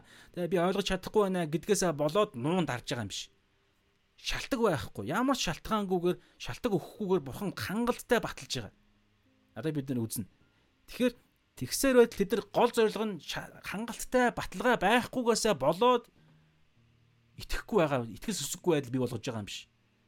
Хангалттай шалтгаан байсан ч гэсэн тэдгэр шалтгаанууд нь өөрсдийнх нь нөгөө Иохан 3:20 19 20 дээр хэлсэнчлэн зөвхт бус байдал буюу тэрхүү гим нүглийг нь илчлэх гээд байгаа. Тэгээд түрүү эхлэлдэр шигсэн хэлж байгаа тэрхүү бурхантай адилхан байх. Энэ хэлээр бурхан байх тэр зүйлийг нь доош нь дарах гээд байгаа учраас өөрсдийг нь эрхийг нь боомлох гээд байгаа учраас бузар мууг нь илчлээ тэдний гот юу аа тэгээ буруутгах гээд яллах гээд буруутгах гээд байгаа учраас байр суурийг нь ганхуулах гээд байгаа учраас нууц юу зүвт бус байдлаараа буюу янз бүрийн худал хуурмагаараа шинжил гэдэг янз бүрийн худал хуурмаг онлуудаараа тэд нар дардаг гэдэг байгаа байхгүй Тэгэнгүүт л 21-ээс 23 дээр ирэхэд юу гарах вэ гэхээр ингэж байгаа. Тэд нар ингэж дарахтаа цаашаага бүр юунд хүрж байгаа талаар бид нар гарна. За бүгдээрээ 20-оос 21-ийг ялзуулчих. Биш 19-оос 20-ыг. Тэгэхээр учир нь бурхан тэдэнд өөрийгөө илчилсэн илчилсэн учраас тэд нар шалтгаан байхгүй илчилсэн. За яаж илчилсэн бэ гэхээр 19 дээр ингэж байгаа. Бурханы учир нь бурханы тухай мэдэж болох зүйл бурхны тухай мэдэх боломж гэсэн үг байхгүй юу? Бурхны тухай ямар нэгэн байдлаар гэдэг ойлголт. Ямар нэгэн байдлаар бурхан гэдэг хүч тийм нэг юм дээд хүч байна гэдгийг мэдэж болох зүйл тэдний дунд илэрхий байдаг. Бурхан тэдэнд үүнийг ил болгосон гэж байгаа. Тэгэхээр бурхан хүн борт хүн болгонд хүн болгонд өөрийгөө илчилсэн байгаад байгаа байхгүй юу? Илчилсэн. Аа тэгэхээр зарим хүмүүс өө мэдхгүйг шилж болно. Гэхдээ болоогүй. Тэр тэрнээс хөрөхөөс өмнө ийм факт байгаа. Бурхан өөрөө илчилсэн. Илэрхий байдаг. Тэр нь яаж вэ гэхээр ерөнхий илчлэлт гэж яриад байгаа юм тэр байхгүй нөгөө бүтээгдсэн бүтээл гэж ярьж байгаа. 20-с ертөнц бүтээгдснээс хойш түүний үл үзэгдэх чанарууд ертөнц бүтээгдсэн буюу яг л эхлэл нэг нэг эхлэл нэг нэгээс хойш гэсэн үг. Бүтээлүүдээрээ дамжиж ил харагдсан. ойлгогддог юу нэ гэхээр бурхны үл үзэгдэх чанарууд. Бурхан үзэгдэхгүй байж болно. Бурхан мэддэхгүй байж болно. Бурхантай ярьж үзээгүй байж болно. Гэхдээ бурхан байдаг гэдэг энэ ойлголтод хүрэхэд хангалттай нотлохоо ил харагддаг. Хангалттай процесс зарчим, процессууд, үйл явцууд бүтээлүүдээр нь дамжиж болдог. Тэр бүтээлүүд нь юу юм?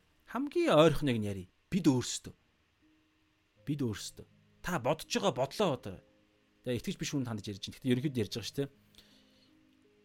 Та одоо одоо энэ кино моно бүтээж байгаа нэр бүсийн хүний бүтээж байгаа юмыг хараарай.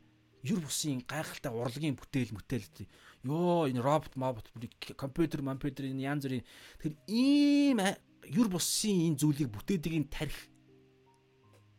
тарих чинь өөрөө яа хүн хүний тарих гэж ямар агуу юм бэ гэд хүн ботход хүрэх хэрэгтэй байхгүй хүрх хүргэдэг байх угаасаа а энд хүргэнгүүтлээ энд ирээд зогсчод байгаа нь одоо бид дараа нь үзнэ энд нэг асуудал гараад байгаа байхгүй гэтэл энд зогсохгүйгээр энэ ямар агуу юм бэ? Яаж ийм хүн яаж би зөвхөн хүнийг ярьж штэ. Гэтэл одоо зүгээр юу байдیں۔ Янз бүрийн байгалийн үзэгдлүүд, араатан амьтдын онцлог те далайн далайн ертөнц те сансар окторгүй нөгөө нэг гайхалтай ойлголтууд чинь тэрийг харахаараа хүн ёо ямар юр бусын юм бэ? Хүүх гингүүтлээ доторх а мөн чанараараа мэс чанар гэж ярьдаг нэг талаараа бас зарим талаараа юу гэж хэлдэг вэ гэхээр теолог бурхны дүр төрх гэж ярьдаг. Хэдийгээр гим нүгэл өгүүлснээс хойш хүний сүнс үхсэн байхгүй юу. Тэгвэл ерөнхий нэгүслээс болоод хүний сэтгэл зүрх мах бод тэр зүйл чинь оюун бодох оюун санаа чөлөө сонголт монголт чинь ингээд тэр сүнсийг амь оруулахын төлөө ингээд сонголт хийх сайн мэдээг сонсоход итгэхт нь ингээд туслаад байж байгаа байхгүй. Тэгэхээр тэр болгон чинь ингээд бурхны дүр төрх нь ингээд тодорхой хэмжээгээр ингээд холбоотой явж байгаа. Тэр утгаа махбод хүртэл бурхны тодорхой хэмжээнд дүр төрхүүд байдаг. Аа мэдээж бүрэн төгс гэж ярихгүй. Гэхдээ тодорхой дүр төрх байгаа. Тэгэнгүүтлээ хүний сэтгэл санаа түрүү хэлсэн шүү дээ 18 хүн чанар бурхан ууралдаг. Бурхан бол шудраг, бурхан бол ариун. Тэгэхээр хүн ч гэсэн ардаа төгс биш ч гэсэн дам хуваалцдаг байхгүй юу? Систем теологиудаар бид нар үздэг шүү дээ. Хүн ариун гэж хэлвэл яах вэ? Аагүй. Гэхдээ ариун хуваалцдаг хэсэг байгаа. Ямар ч хүн цэвэрхэн юм дуртай. Ямар ч хүн тэгээ гоё ингээд цэвэрхэн хоол ингээд гоё баас маас ингээд идэх дуртай өнгөж байх уу? Байхгүй шүү дээ. Ямар нэгэн байдлаар тэр нэг юм байгаа. Шудраг байдал. Ямар ч гимт хэрэгтэн ямар ч хүн цагаад болохоор шудраг байдлыг хүсдэг. Гэх мэтчлэн уур уур юу юм? Бузар мууг шудраг бус бузар муу зүйл миний хайртай хүн дээр над дээр ч юм уу тохиолохоор тэрийг хараад хүн гэдэг тийм уур төрдөг яаж ийм юм байж болох юм бэ гэж ярина гэсэн. Ямар ч хүн. Тэгэхээр энэ мэдчлэн хэдийгээр сүнс нь өхмөл байгаа ч гэсэн тэр нэг юм бурхны дүр төрхийн орцонд байж идэг. Тийм утгаараа тэр гайхалтай юр бусын сайн сайхан тэр юр бусын юм харангуутлаа доторх тэр дүр төрх нь тэнд нэг юм нэг зүйлийг өөрт нь мэс чанар нь бодол нь тэр эрүүл ухаан нь гэрчилдэг гэсэн. Энэ юр бусын юм чинь бүтээсэн бүтээгч байгаа. Одоо жишээ хамгийн энгийнээр ингээд хүн бодохгүй л юусныг боддог байхгүй. Ингиж сохолдог энэ сатан ертөнц махбод ч гэсэн хүсэлт ачаал залим ихээр ингэж хуурдаг гэсэн. Аа нэг ийм бодлыг бодъё л да зүгээр. Цаг болж байна. Одоо ингээд те ингэдэг штэ. Яан зүр юм бич болно. Зүгээр одоо ингээд заавал хамгийн байж болох юу гэж юм бэ? За одоо зүгээр энэ бодиттой энэ утсыг ярил л да. Энд дээр би гарч. За энэ утас За энэ утсыг ингэж хэллээ гэж бодъё. За энэ утас ингээд явж исэн чинь за бид ингээд хөдөө сайхан явж илаа гэж бодъё те ингээд зугаалга мугаалга тэгсэн чинь энэ утас ингээд а нэг ингээд модон дээр ч юм уу нэг газар байна. Тэгингээ харангуутлаа энэ утсыг харангуутлаа хүн ийм дүгнэлт хийвэл яах вэ? Хүүх энэ ямар гоё ямар гоё оо бүтээл гэж хэлэхгүй шүү дээ. Ямар гоё одоо байгалийн тогтцсон бай. Тэ? Бүр ингээд тодорхой дуу муу явж л гэж бодъё. Дуу муу яваад. Ямар гоё байгалийн тогтцсон бай. Хүүх энэ энэ ардаа яг нөгөө нэг хувьслын онлоор тий хэдэн мянган тэр бум тий хэдэн мянган тэр бум жил ингээ хугацааны явцад та нар ингээ боддоо энэ ингээ тардаа ингээ бүрлэлсэн штэ гэх нэг хүн ярьлаа гэж бодъё. Ингээд энэ доотлын энэ төмөр нь хардаа ингээд молекул хоос оргуу болсон байснаа гинт ингээд оргуу болсон ингээд энэ нэг юм гадаргуу дээр гинт ингээд төмөр ингээд үүсээд тэгснэ энэ төмөр нь ийм хэлбэртэй болж үүсээд тэгснэ гадуураа ингээд те ингээд ийм хаймар маймар ингээд ийм ийм бодис модис ялгаатай бодис оргуу осноос бий болоод тэгэнгүүтээ ингээд шил бий болоод дотор нь ингээд ийм технологи бий болоод энэ ингээд ингээд ингээд ингээд ингээд хэдэн мянган тэрбум жилийн дараа ийм утас бий болсон шүү дээ манайхаа гэж хэлэх хүн байгаа юу. Тэгээд би зөв хамгийн инээдтэй жишээ ярьлаа л да. Яг энтэй адилхан байгаад байгаа байхгүй. Байхгүй. Ямар ч тийм байхгүй. Уран зураг хараа. Энийг хараад хүн хамгийн дөрөнд юу утах юм? Өөх энийг бүтээсэн энэ ямар ямар компани бүтээсэн юм? Оо Samsung юм уу? Үх гэж ярина гэсэн. Ямар ч хүн бодохоор гоё юм бүтээлийг хараад энэ бүтээгч байна гэж бодно гэсэн. Тэгэхээр яг ийм дүгнэлтэнд хүрэх зорилготой. Тэр утгаараа Еврей 12 дээр ч гэсэн бас хэлдэг. 12-ын 1 дээр хараа. Тимээс бид өөрсдийг маань Тиймээс бид өөрсдийг мань хүрээлэн буй өөрсдийг мань хүрээлэн буй үүл мэт үлэмж их гэрч гэрч нартай тул баталгаатай тул гэсэн үг. Альваа саа дотор ба амархан өргөддөг нүглийг хажууд дэшин давж өмнөө тавигдсан уралдаанд төвчээртэйгээр гүйцгээе. Мэдээж итгэж хүмүүсийн талаар ярьж байгаа. Гэхдээ итгэж биш хүмүүсээр ялгаа байхгүй. Асар олон үүл мэт гэрч нар байдаг. Тэрний үе тэр үүл чинь өөрөө мөн. Энэ байгаль ертөнц чинь өөрөө мөн. Тэр байгаль ертөнц бүр биднэрд номлодог гэж хүн төрлөختөнд номлодог гэж байгаа байхгүй. Бурхан байдаг бурхан гэж байдаг түүнийг хай түүнийг хүс түүн рүү залбир бурханыг хай гэж залбирна номлоно гэсэн. Ерөнхий илчлэлт ингэж номлодог. Гэхдээ энэ дээр нэг юм ойлголттой байна. Бурхан ардаа бурхан байдаг гэдгийг бүх хүн бурхан байгаа бүгд мэдэх боломжтой. Бүтээл нь тэгж номлож тэгж гэрчилдэг учраас. Гэхдээ энэ нь дараагийн имрүүл хүрэх зорилготой. Гэтэ ямар ч хүн тодорхой Ром 10 дээр хэлж байгаа ч 10 13-аас 16 дээр хэлдэгчлэн сайн мэдээ тараагчийн нэгний хөл юутай ерөөлтэй вэ гэдэг лөө те үзэсгэлэнтэй вэ гэдэг. Тэгэхээр хин нэгэн хүн номлохгүй бол хэлэхгүй бол тараахгүй бол бурханд тэр байдаг бурханы хүн мэдж болно. Яг бурхан байна. Гэтэ яг хин юм болтоо нэг бурхан байдığım болов олон бурхан байдığım болов хинэн юм бол да юу юм бол да гэдэг хайж байгаа бурхан байдгийг бол ингэ гэрчиж болно. Гэтэ цаашаага бурханд хүрэх зам ганц зам гэж ярьж байгаа. Яг 14 6-ад тэрийг бүгд мэдэх боломжгүй. Тийм учраас зайлшгүй итгэгч нар сайн мэдээ тарааж илгээлтэнд явах хэрэгтэй гэж ярьж байгаа юм дээр. Ядаж аа одоо илгээгдсэн байгаа талбар дээр. Тэгээд дээр нэмээд илгээлтийн эзэд гэж ярьдаг те. Таван талд үйлчлэлтийн нэг нь шүү дээ. Сайн мэдээ тараагч нар илчч гисэн бас болох байх гэж бодож байна. Чуулганд тарьдаг. Тэг инэ гэсэн үг. Тэгээд бид нар ч гэсэн те нөгөө тэдгэр хүмүүсүүдийг те одоо үргэлэн мөргөлгөө дараа дараагийн юм ярихаар чинь эн чин тогтолцоо нь өөрөө яг гол зүйл рүүгээ хаанчлалын хийж байгаа зүйл чинь сайн авралын зар ахгүй сайн мэдээ. Тэгэхээр энэ нь ярьж байгаа гэсэн. За тэгэхээр энд одоо үндсэн эсвэр рүүгээ ороо явж байгаа те. Тэгэхээр 20 дээр Аа тэгээ ертөнц бүтээгдснээс хойш түүний үл үзэгдэх чанарууд, түүний мөн хүч ба бурхан чанар нь бүтээгдсэн зүйлээр намжуулан ойлгогдсон илэрхий харагдаж байгаа гэж байгаа. Тэгэхээр яаж бурхан илчилсэн бэ гэхээр түрүүний саяны хэлдэг. Тэгээ 20 дээр хэлсэнчлэн. Эхлэл эхлэл нэг нэгээс гэдэг юм а бүтээгдснээс хойш бүтээгдсэн бүх зүйлээр нь дамжуулан харагддаг. Юу харагддгийг? Бурхан хүчтэй гэдэг. Энэ бурханы хүч гэдэг нь болохоор яг а тэр дуголос гэлөө а биш ээ. Дайнамос гэлөө. Тийм нэг үг баг шиг байсан. Тэр нь болохоор ингээд ингэнэ чадвар гэдэг бас хэлбэр байгаа байхгүй юу? Зөвхөн хүч хүч мэдээж мөн. Гэтэ бурхны чадвар, бурхны хүч ба бурхны чадвар нь бүтээгц бүтээлээр нь дамжуулан харагддаг. Тэгэхээр тодорхой байгааз агуу гайхамшигтай сүрлэг уул ч юм уу хад ч юм уу агуу том аратан амтан одоо динозавр байсан шүү дээ бас ясмаас нь байгаа. Тэгэхээр одоо юу гэдэг 10 одоо бол бодиттой юм гэвэл одоо да заамаа гэх юм уу яг анааш манаас юр бусын юм ингээл хараал та эсвэл гайхалтай байгалийн тогтцсон могтц те сүрлэг тэргөө хүрхрээ мөрхрээ хараад харахаараа хүмүүс сүрддэг. Тэрийг бол хийж чаддаг. Ямар агуу юм бэ хүүх энэ Монгол нутагч ч юм уу та байгаль хийч ямар сүрдмээр юм бэ? Ёо энэний хажууд ирсэн чинь би бүр нэр өөрийгөө ямар өчүүхэн гэдгээ мэдэрлээ гэл иймэрхүү ойлголтод хүн хүрч чаддаг. Гэхдээ дараагийн ойлголт. Энэ энэ зүйл одоо ингэсэн шүү дээ ертөнц бүтээгснээс хойш түүний үл үзэгдэх чанарууд дотроо түүний мөн хүч ба бурхан чанар нь бүтээгдсэн зүйлээр нь дамжин илэрхий харагдаж байгаа. Энэ бүтээлийг нь байгалийн сүр жавхлан харж гинүү? Сүр жавхлантай байна уу? Тэгвэл наадах чинь бухны сүр жавхлан чамд харуулж байгаа маа гэд нөгөө сүр жавхлантай байгаль нь өөрөө ингэ номлож байна гэсэн үг байхгүй юу? Ухамсар ингэх ёстой. Энэ рүү хүргэдэг. За тэгэнгүүтлээ илэрхий харагдаж ойлгогддог. Тэгээ энэ дээр одоо бурхан мөн хүч гэдэг дээр түрүү ярьсан чадвар яригдж байгаа тийм янз бүрийн чадвар энэ хүний та одоо энэ физиологи ингээл бодохоор энэ эд эс эс юу би өөр ойлгохгүй. Энэ ер бусын зүйл. Одоо ингэж хардаа зүгээр юм махбодоос бүрдсэн хэрэг сүнс байдаггүй гэж ярих гэдэг бол махбодоос бүрдсэн сэтгэлтэй нэг энэ нэг аратан амтан шиг нэг баг зарим хүмүүс амтан гэж ярьж байгаа шүү дээ. Хүний хүмүүсүүдийг бол бүтээл биш зүгээр амтд.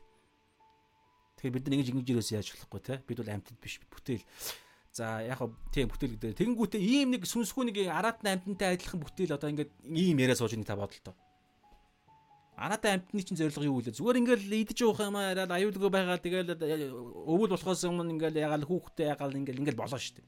Гэсэн чи юу вэ? Ингээл янз бүр юм ингээл ягаа сүнслэг мүнслэг юм яриад ингээл тэнгэр мингэр амь хөлийн дараах амьдрал амьдрал. Энэ юу вэ? Яа энэ чадвар байгаа зү. Бурхны өөрийнх нь чадвар нэгдүгээр хоёрдугаар бурхны өөр бурхны өөрийнх нь юу байхгүй юу? Дүр төрх. Бурхны дүр төрхөөр бид бүтээгдсэн. Бурхан яг өөрөө ийм Тэгэхээр эдгээр зүйлсүүдийг хүн ойлгож байна гэдэг эхнийх нь асуудал байгаа даа. Тэгээ энэ дээр хараад хүч хүч гэдэг дээр мөнх гэдэг үг. Мөн хүч. Бурхны энэ мөн хүч чадвар нь юу вэ гэхээр мөнхөд байсан. Бүтээлээс өмнө ч юм байсан, бүтээлээс хойш ч юм байх болно. Мөнхөд бурхан ийм чадварлаг. Тэгээд хоёрдугаарт нь бурхан чанар гэдэг гэдэг дээр болохоор юу ярьж байгаа гэхээр түүний тэнгэрлэг чанар гэж ярьж байгаа. Гэтэ энэ дээр бол ерөнхийдөө ярьж байгаа юм, ерөнхийд нь ярьж байгаа юм юу гэхээр яг энэ дархам сэдвтэйгээ хамааруулаад цорын ганц бүтээгч хүч чадалтай нэгэн цор ганц бүтээгч гэдэг энэ ойлголт.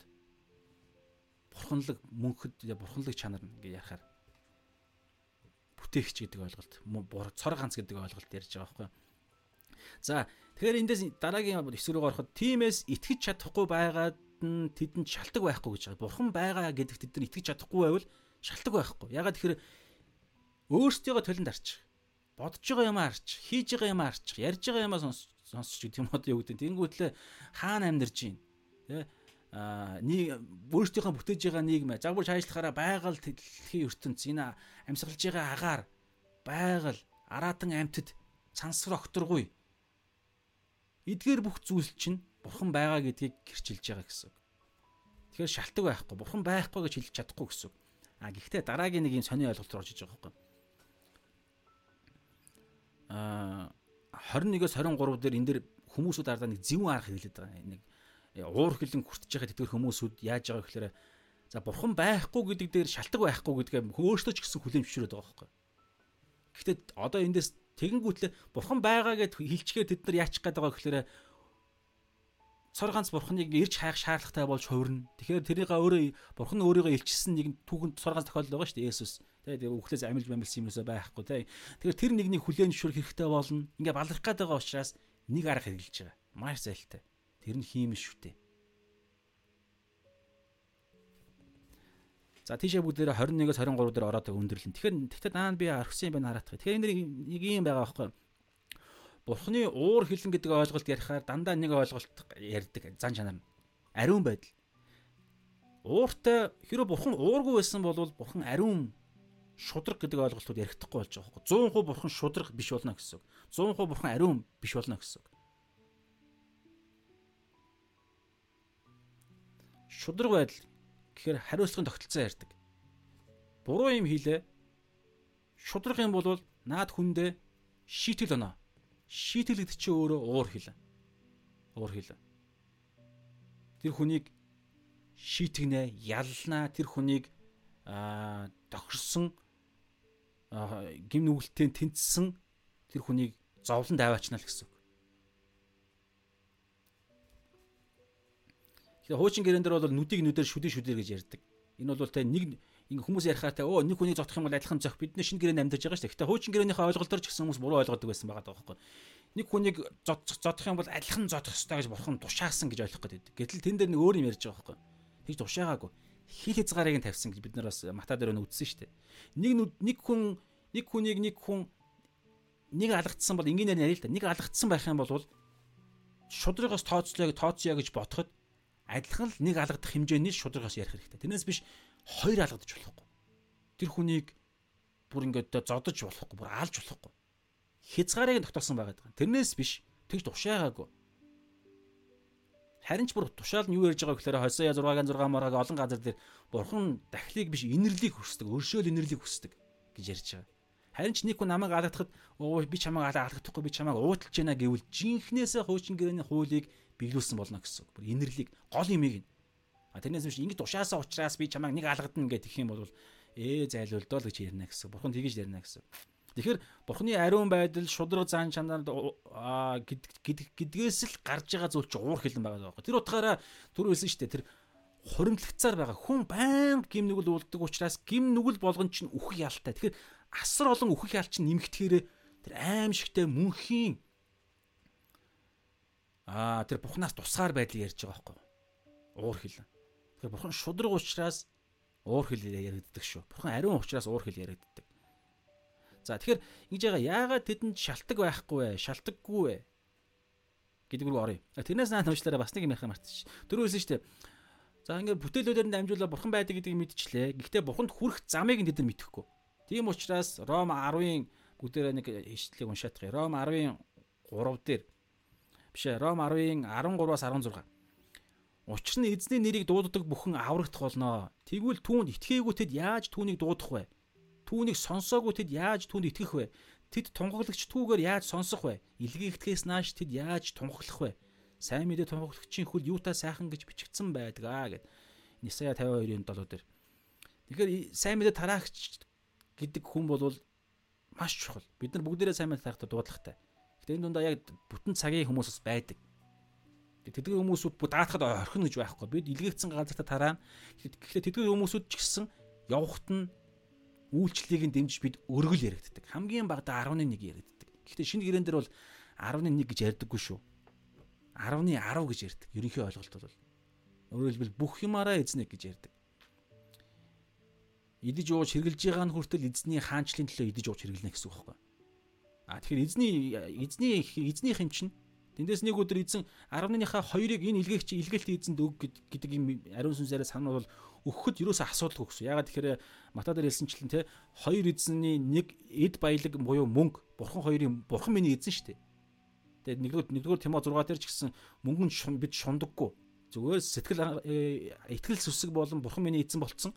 Тэгээд сэтгэл хангалуун байдал буюу анган шатны хэрэгцээгээр хангаж байгаа 10.8 нь хангаж байгаа тохиол хангасан тохиол байж болно шүү дээ. Эсвэл 10.10 5 ч юм уу мэдхгүй тэр нөхцөл байдлаас шалтгаалаад. Тэгэхээр тэр үед би хин нэг үүнд яг бидний энэ дэлхий дээр амьдарж байгаа зорилгыг бүр өөрийнхөө бүтэн цагийн зорилгоо болгоод илгээл төр явж байгаа хүнд эзэн сануулбал өгөхөд бид баяртайгаар өгнө гэсэн. Тэр өгж байгаа зүйл чинь хүртэл эргээд биднэрт шагнал болгодно.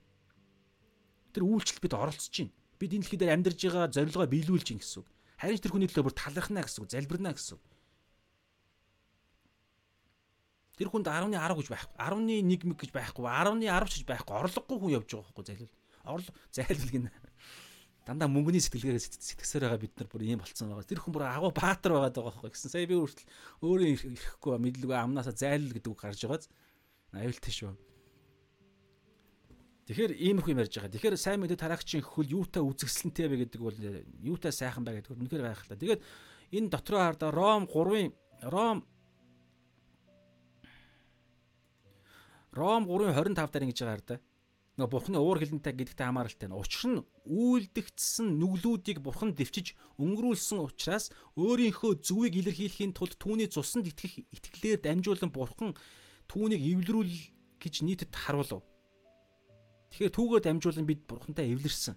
Есүсээ дамжуулан уур хилэн байхгүй болсон гэсэн үг. 5 5-1 5-1 Тиймээс бид итгэлээр зөвтгөгдсөн тул эзэн Есүс Христээр дамжин бурхантай эвлэрсэн уур хилэнгээс гэтлэгдэж бурхантай хайр ивэл ирвэл нэгүл үрчлэл рүү эвлэрэл болж орсон гэсэн шалон бүрэн бүтэн болж бурхантай бурхантай хамт байна гэдэг чинь үхэл яригдахгүй уур хилэн яригдахгүй гэсэн.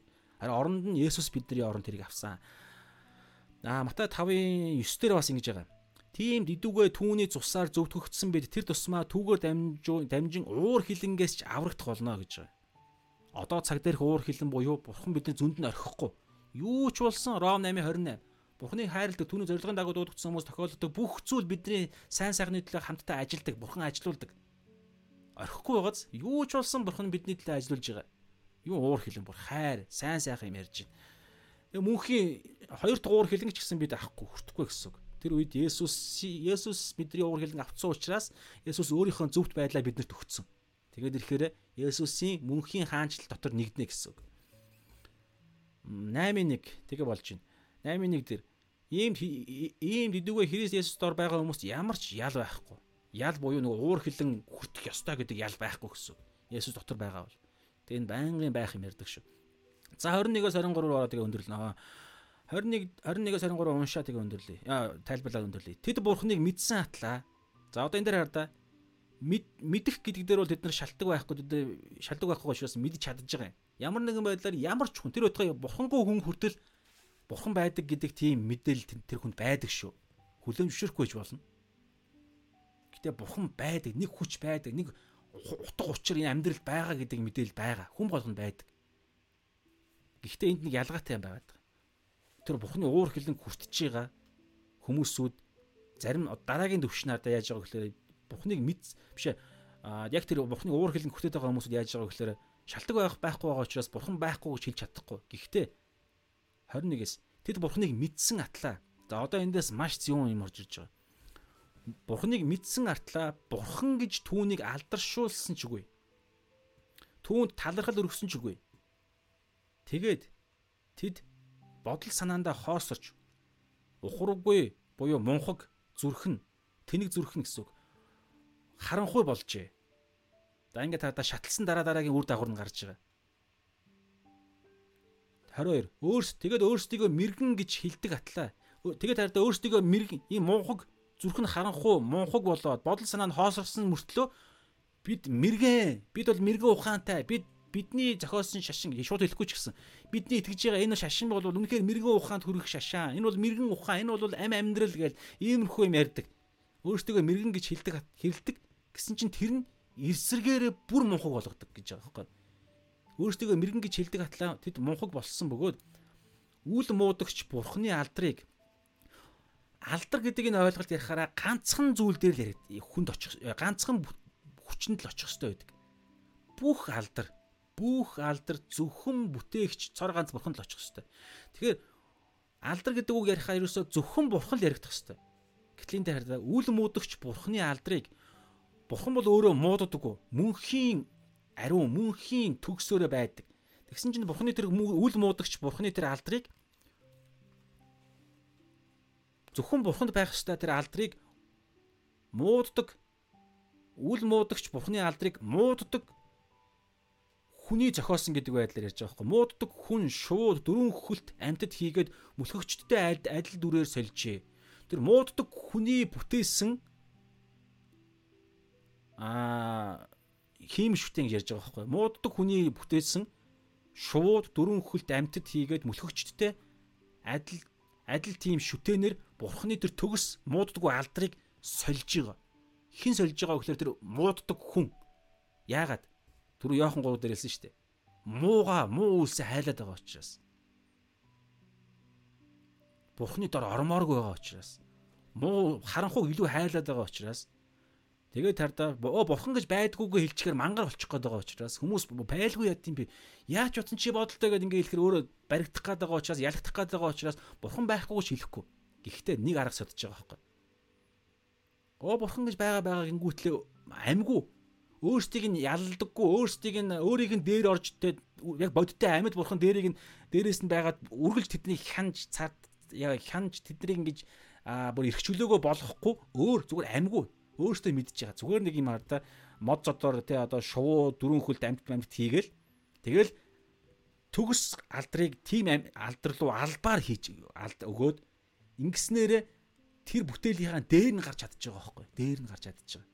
Ингээд ирэхээр тэр хүн муу нэл гарахгүй гэсэн. Ягаад тэгэхээр тэр амьгүй юм чинь тэр хүнийг илчлэхгүй шүү дээ. Зүгээр л тэгээ өөрөөсөө хүссэн юм аа тэгээ ингээд яг бурхан болж байгаа байхгүй яг бурхан болж байгаа нөгөө эдийн засгийн сатаны өөрийнх нь өгсөн өгдөг санал болголтож байна байхгүй. Та нарын хэлэхэд бурхан болно гэж ярьж байгаа. Тэгээ өөрсдөө өөрсдийнхөө өөрсдөө бурхнаа зохиочин бурхныхаа сургаалыг нь өөрсдөө зохиочин орж ирсэн өргөлөөр нь өөрсдөө хоолоо олоо идчин өөрсдийг нь хянахгүй өөрсдөө дайрахгүй ингээд дээр нь гарч чадчих байгаа. Наанаа бол доор юм шиг дээр нь. Фарисеучуд тухайн үед яг ингэж хэлсэн шүү.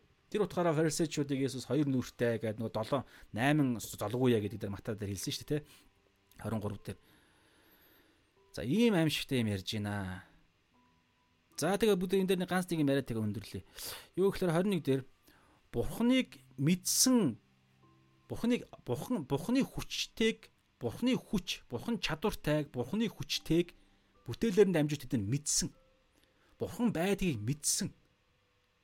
Мэдхгүй гэж чадахгүй. Ягаад тэгэхээр мангар болчих харин мэдсэн тодорхой шинжлэх ухаанч баталдаг янз бүрийн байдлаар мэддэг мэд өөртөө ч гэсэн доторх төрхөө нэг юм мэс чанараараа мэдэрдэг гэхдээ алдар тэднэрт бурхандаа алдрыг нь өгдөггүй хамгийн дээд бүтээлийнх нь нэр алдар дээд байх ёстой зохистой тэр юмыг өгдөггүй. Исая 43-ын харда Исая 43-ын 7 дээр юу гэж байгаа вэ гэхээр хүн төлөвтний бүтээсэн бүтээгдсэн зориг байгаа байхгүй.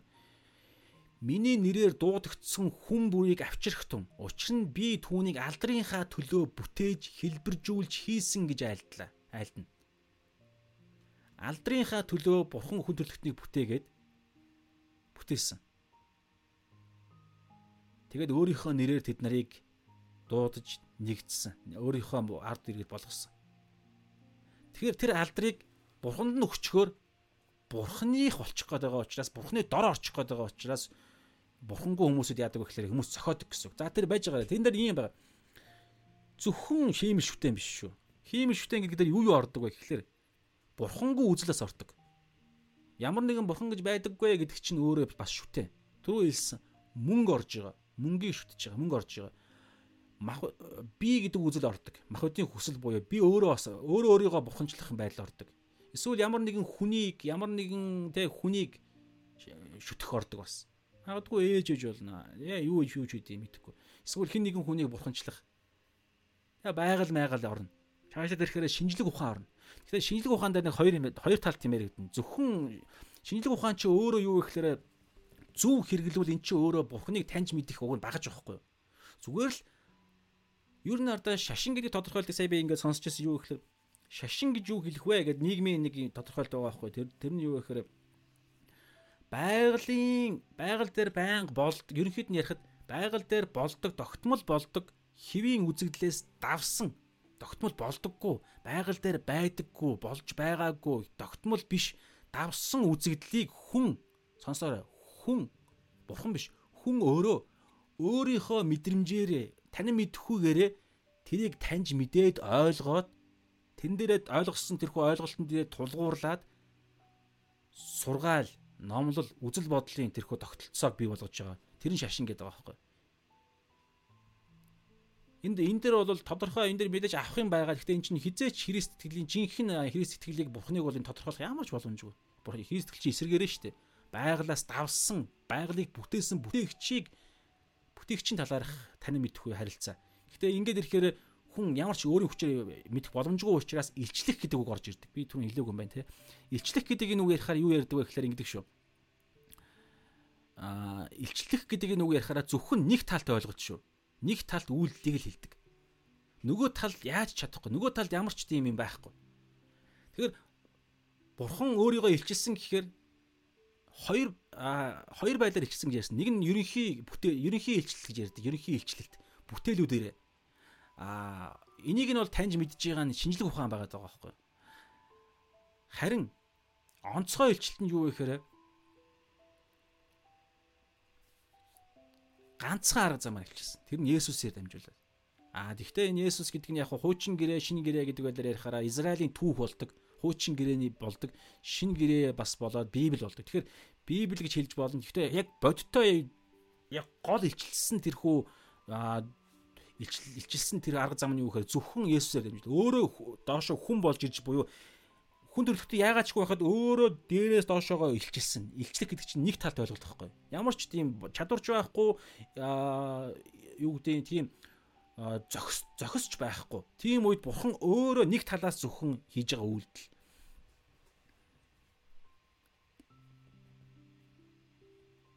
Тэгээд ирэхээр 21 дээр түрүү энэ ихчлэг гэдэгтэй үгтэй хамааралтайгаар те аа одоо бүгдээр цаашаа ингэ явъя. Тэгэхээр 21 дээр хэлж байгаа те хэлж байгаа Тэд тэгээ бурхныг бол ингээ асуудалгүй мэдчихэж байгаа мэдж байгаа тэгээ илэрхийлэхгүй байж болно. Гэхдээ тэр гаргаж ирэхэд ирэхдээ тэд яаж байгаа гэхээр зөвхөн бурханд байх ёстой тэрхүү алдрыг тэр дээд тэр эрх мэдэл байр суурь тэр эзэн бурхан алдрыг дээр алдрыг өгдөггүй А гэхдээ энийг гаа биш те энийг бурхан байдаг гэдэг мэдлэгийг бүр ашигладаг байгаа даа байхгүй. Ашиглангуутлаа өөртөө ашиглаад тэр бурхан бол байдгаа гэд ерөнхий илчилтийг ашигладаг. Бурхан бол байдгаа харин тийм ээ байгаль нагалыг харал та энэ байгалыг бүтээсэн байгаа тийм ээ гэж жингуутлаа тэр жинхэнэ бурханыг ирж хайдаггүй. Хариу хайхал юм бол гараад ирэх байхгүй. Хаасаагүй хайгаал ингээ яах юм бол ямар ч юм хайсан гэсэн шууд Христ гурван том шашин ингээл гараад ирнэ. Одоо гурав гэдэг үлээ. За дөрөв ч юм мэдхгүй. Ямар ч үсэн ингээл дэ Христ итгэл за мэдгүй олон юм шиг байна. За яг Христ итгэл аа ислам тэ буддист гэдэг юм уу тэ юдаизм ч гэдэг юм уу 4 5 муу яа. Тэгээ ингээл ингэ. Тэнгүүд айл айлыг яг үнэхээр хайж байгаа юм бол яг бурхан байна гэж хайж байгаа юм бол айл айлыг судлна. Ингээл судлаа судлаад ингээл хайсаар хайсаар хайсаар тэд яг шудрах эрэл хайгуулаараа явж байгаа юм бол тэр шууд Есүс Христийг олно гэсэн. Бурхан угаасаа тэр хайж байгаа сэтгэлийг нь хараад аврах гэж байгаа хүн чинь шууд магадгүй тэгш шаардлагагүй. Шууд маргааш нэг хүн сайн мэдээ тараадаг ч юм яадаг ч юм. Тэгэхээр гол нь тэхгүй байгаа байхгүй. Бурхан байдгаа харин тийм ээ гоё юуна. Тэгэнгүүт тэрийг ашиглаад тэгвэл бурхан байдаг те. Төмөрөө бурхандаа мөргийг мөргийгээл тэг тэгж хэлэх гээл тэгж байгаа үед за байж байгаараа. Тэгэхээр бурхан гэдэг маань энэ бурхан маань энэ юм аа гэд ингэхээсээ өмнө тэр алдрыг нь авангуутлаа өөрийнхөө сайн сайхны төлөө их ашигтай зориулаад өөр юмдыг модоор гастыг бүтэнгүүтлээ энэ хардаа байгаль ертөнцийг бүтээсэн бурхан бол энүүгээр илэрж байгаамаа энүүгөө дамжуулан бүгдээрээ тэр гайхалтай бурхандаа мөргөё гэл тэнгүүтэл өө тгийс юу гэдэг юм уу янз бүр юм ашиграал тэгэл тэр үнийг тэр шуунда тэр бүтээлдээ мөргөнө гэсэн үг. Тэгээ талархал өргөдөггүй талархахгүй. Баярлаа баярлаа байхгүй. Юу талархах? Одоо жишээ нь тэ агаар ус мус тэ бүх үнэтэй зүйл бүгд үнгүү байхгүй. Талархах юм байхгүй. Бүр ашиглана болтгсон бол агаарыг ч гэсэн хүн төрлөختөн худалдсан шүү арайч тэ агаарыг худалдах эрхийг бурхан маар арайч өгөхгүй ягаад гэхээр агаар гэдэг чинь өөр аннаас бурханых учраас гэхдээ усыг худалдах төвшөнд л ирж магадгүй за одоо бол а тодорхой тэр нөгөө нэг ургамал ногоо ан амьтдыг бол худалдаж чадж байгаа шүү дээ. Тэр ан амьтд чинь эргээд ан амьтдаа юм өгдөггүй шүү дээ. Байгальдаа юм өгөхгүй. Хөдөлмөрөө хөдөлмөр хөдөлмөрлөөл тэгэл тэр ан амьтдээ байгалийн тогтолцоо төлөл нь гарна те хүүхэд нь гарна төлөл нь гарна тэгэл тэгэл төлийг нь аваад ингээл яаж яаж яагаад тэгэл ашиглана. Тэгэл ургамал ногоо ч гэсэн ингээд хөдөлмөрөөрөө ургамал яг нь үр тариа үр тариан ч гэсэн хүн бий болохгүй шүү дээ цаанаасаа ингээд байгаа. Тэнгүүтээ ургах нь байгалаасаа ингээд ургаал өгнө энэ болгоны чи ингээ бурхан өгөөл ингээл бурхан бол хангадаг юм аа. Би бол хангадаг бурхан. Би бол танад хайртай. Ингээ янз бүр ингээл тэрийг тэрийг талархахгүй. Авангуутлаа ашиглаад өөрийнхөө би би гэдэг юмдаа ашиглаад яваад. Тэгэхээр иймэрхүү байдлаараа сан бодогдож байгаа. Тэр бай тухай яаж байгаа гэхээр Тэгээ ингээд энэний хариуд нь яаж байгаа гэхээр одоо нэг юм бий болж байгаа байхгүй. Бүгдээр 21 уншил та. Тэд бурхныг мэдсэн адлаа бурхан гэж түүнийг алдаршуулсан ч үгүй, түүн талархал өргөсөн ч үгүй. Тэгээд энэний хариуд нэг үр дагавар гарч байгаа. Тэд бодол санаанд хоосож эхэлж байгаа байхгүй. А эндээс дараагийн асуулт гарч ирж байгаа. Нөгөө нэг урсгал чинь, нөгөө үл мэдгдэх урсгал чинь. Сүүлдээ бүр бурхан бурхан бурхан ч ярихаа болно. Зүгээр байгаль байдаг л юм, байгаль. Тэ? Оо цөмөрөө сайхан нэг газар очиж юм үзье. Байгаль ярихаар сайхан байгальтай биш шүү. Юу бурхан бурхан. Сайхан байгальтай биш шүү. Тэ ингүү за тэгвэл манайхан чи дээр яасан боосон байгаал ингээл ингээл ингээл зүгээр л хэрэглээ. Зүгээр энэ цаас маас цаана юу ч бодохгүй. Бодол санаа ингээ хоосорж байгаа байхгүй. Тэгээд ч тэд бодол санаандаа хоосорж. Тэгээ ингээд хоосроод ирэхээр яаж байгаа гэхээр зүрх нь өштэй мунхаг болж байгаа. Нэгдүгээр хоёрдугаар зүрх нь бүр харанхуй болж байгаа гэж. Ингээд ирэхээр зүрхний бэлхлаар ам ярина гэж хэлдэг те мата дээр. Тэгэхээр зүрх ингээ бодол санаа нь хоосроод зүрх нь харанхуулаад мунхаг тэнэг болоод ирэхээр өөр одоо юу гэдгийг өөр нэг том урсгал руу орж байгаа байхгүй 22-оос. Тэгээд ардаа ингээд яг нөгөө нэг юм жинхэнэ үнний хувьд те эрүүл ухааны хувьд үнний хувьд болохоор ингээд ойлгох чадахгүй. Гэтэ наана бол энэ дэлхийн нөгөө Есүс хэлдэг штэ энэ энэ дэлхийн хөвгүүд гэдэг үл юу гэдэг үлээ. Энэ дэлхийн зүйл дээр маш сайн сэтгэдэг гэж ярьдаг те тиймэрхүү агуулгатай ишл байдаг санагдаж байна. Тэгэхээр яг мэс чанарын бурхантай хамааралтай сүнслэг зүйлтэй хамааралтай те бүтээл бүтээгчийн тал дээр хамааралтай юм дээр сохорч оюун санаас хоосроод зүрх нь бүр тэн дээр бүр мунхаг тэнэг болоод бүр ингээ мэдрэмж мэдрэхээ байж эхэлж байгаа байхгүй. Эн чинь нөгөө нэг зөнд нь орох гэдэг ойлголт руу орж эхэлж байгаа байхгүй ингээ. Мэдрэхээ байна. Ямар ч тийм стандарт байхаа байна. Тэгээ ижил хүүссэн ч байна уу? Тэ одоо юу гэдэг тэр мөр нь юу ижил хүүссэн мөстөнтэй сүүлдээ бүр хар 50 мянга ижил хүүссэн мөстөн сүүлдээ зүгээр байдаг юм болж шүү. Бүр ингээ бүр дүүрч байгаа байхгүй бүр бурхны үндсэн хил хязгаар гэж байхаа стандарт байгаа болно гэсэн. Тэгээд харанхуй болж тэгээд тэгсэн мөртлөө хардаа яаж байгаа гэхээр 22-оос өөрсдийгөө мэрэгэн гэж хэлэх тийм төвшин гарч ирж байгаа. Оо бид нар бол инста үнэхээр мэрэгэн буюу те бид нар бол нэг те үнэхээр нэгүүлсэнгүү ядуу хүмүүсүүд тусалдаг те ингээл ингээд ирэхээр нөгөө дараа дараагийн ойлголт чинь гар. Тэгээд тэгээд бүр сох сох 2 дугаар Коринт 4-ийн 4 чинь бүр сохолж эхэлнэ гэсэн үг. Сатан бүр сохолж эхэлнэ. Тэгээд ирэхээр сайн мэдээ ингээд сонсогдох гээд орж ирэхээр Бурхны дүр болох Христийн 2 дугаар Коринт 4-ийн 4-4-ийг ярьж байгаа шүү. Христийн алдрын сайн мэдээний гэрлийг үзэхгүй болж байгаа. Бүр юу ч харагдахгүй гэрэл. Ягаад тэгэхээр наан бүр төрөл бүрийн гэрлийг зохиож чадж байгаа учраас. Тэгээ хүний эрх шудрагаас те тэнгуүтээ одоо ингээл зөвхөн нэг их нэртэй биш ээ бүр 5 их нэртэй 10 их нэртэй. Тэгээл тэ одоо юу юу гэх юм байгаа юм бүүм. Янз бүрийн гой гой юм зохиогоод гой гой гэдэг ойлголтууд гэрлүүд гасч эхэлнэ гэсэн. Дэлхийн ертөнц чинь. Эцсийн үед яг ингэ гэж байгаа байхгүй. Төрөл бүрийн 666 мага гэдэг яриад байгаа юм чинь ингээд те бүр ингээд дэлхийн нэг болж байгаа шүү дээ. Тэгээд тэр тоо байхгүй бол худалдаж авч чадахгүй. Би яахад судлаагүй гэхдээ ихний байдлаар бодогддог зүйлс юу вэ гэхээр бүр ингээд тэр тоог нь авчих юм бол тэр сохор байдгийг нь авчих юм бол бүр жаргах гээд байгаа юм шиг байгаа. Бүр жаргана. Энэ дэлхий дээр тэх юм шиг байгаа байхгүй. Ийм аймаар. Тэгээд хараа өөрсдийгөө мэрэгэн гэж хэлдэг. Эсэргээрээ бүр мунхаг болж байгаа. Энэ дээр би нэг хоёр ишлэг бодогдсон юм ягаадах юм. Уншаадах. Йохан Йохан 9-ийн 41. Есүс тэдэнд хэрв та нар сохор байсан бол нүгэлгүй байхсан. Гэтэл та нар бид харж байна гэж ярьдаг тул нүгэл чинь байсаар байна. Тэгэхээр бид харж байна. Мэргэн гэж хэлж байгаа байхгүй. Эсрэгээ ингээд ирэхээр бүр сохор болоод сохор гэдгээ ч мэдэхгүй. Тэгэхээр хараа орох шаардлагатай гэдгээ ч мэдэхгүй. Тэгэхээр ирэхээр бүр Есүс Христийн сайн мэдээний гэрэл бүр ингээд үзэгдэхгүй болж ирж байгаа байхгүй. 2 дугаар Коринт 4-4. Сатан энийг хийдэг. Энэ тогтолцоо энэ гадуур яриад байгаа юм. Тийм учраас Христ итгэгчид нийгэм рүү орж болно. Гэтэ орж байгаа зорилго нь нийгмийг хизээч бид өөрчлөх өөрчлөх зорилготой биш. Есүс ерөөсөө ингэж ирээгүй. Гол зорилго нь сүнс аврах, сүнс аврах. Аа тэгээ аврах явцдаа үйлчлээ ээж ихтэй, ажиллаа ээж ихтэй тухайн ажлаа сайн хийх байдлаар нийгэм өөрчлөгдөж болно шүү дээ. Тэгэхээр гол зорилго биш байхгүй. Хэрвээ энийг гол зорилгоо болговол нэг бол ялагдана Эсвэл ялсан гэж бодоод ялагдана гэх юм уу? Тэгвэл энд бол амар л юм яриад байгаа шүү дээ. Оо баг мөнгийг мөнгийг буюу тэр эд баялаг байр суурь мөнгийг эзнээ болгож яах гэсэн үг байхгүй юу? Жинхэнэ сайн мэдээ Библи нь өөр юм яриад байхад үгүй бид нийгмийг өөрчлөнө. Улс төрийг цэвэрлэнэ гэдэг ингэх юм бол тэр улс төр гэж юм байхгүй шүү дээ. Улс төр гэдэг чинь хүн шүү дээ. Тэр хүний л аврал яригдана.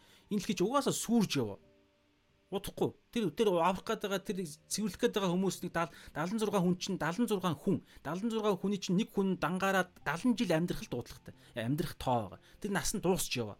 Гэтэ тэр энэ дэлхий дээр сайн улс төрч байгаад мөнхийн аим ярихдаггүй шүү дээ. Тэгэхээр улс төр гэдэг юм байгаад гол зал ерөөсөө л аврал тэр хүний сүнсний аврал яриад байгаа байхгүй. Тэгэхээр за ингээд тэр өөр сэдв те. Тэгэхээр 41 дээр бол ийм ярьсан. Тэгэнгүүт л Матай 11:25 дээр Одоо 3 ишлээд өндөрлөн. Тэр үед Есүс цааш нь хэлэхдээ аав таньда талархъя. Тэнгэр газрын эзэн минь. Цэцэд хийгээд ухаанднаас нууцлсан зүйлээ балчир хүүхдүүддээ илчлэв. Тийм ээ аав минь. Учир нь энэ тань тааллыг олсон билээ. Дэлхийн цэцэн мэрэгэн ухаанднуудад би таалагдах ямар ч ёсгүй сайн мэдээч ингэж таалагддггүй. Бүдрүүлэх чулуу болдог. А заримд нь мунхаглал болдог. Гэхдээ итгэгчдэд энэ нь хүч болдог. Итгэл зүвт байдал, итгэлээс итгэлд амьдрах хүч болдог. Итгэснийхэн дараагаар нь энэ дэлхийн хүмүүсүүдийн араас нь өхөр хатан яваад олохгүй зүйлсийг дараа нь өгдөг. Гэхдээ эхэндээ бид мэрэгүү ухаанаар энэ итгэдэггүй. Хүүхд шиг буюу тэрхүү итгэлээр. Гэхдээ энэ сохор итгэл биш. Есүс яг бодиттой үгэн дээр, бодиттой гэрч гэрч нарын гэрчлэл дээр зүрхэнд минь хийж байгаа бодиттой мэдрэмж гэрч дээр тодорхой баталгаа гэрчлэлүүдээр баримтдуудаар итгэдэг. За тэгээд Матай 5-ын 3 сүүлийн хэсэг байна. Матай 5-ын 3 дээр те сүнсэндээ ядуу хүн өрөөлтэй гэж байгаа. Баян энэ дэлхийн баян мэрэгүү ухаан ярьдаггүй.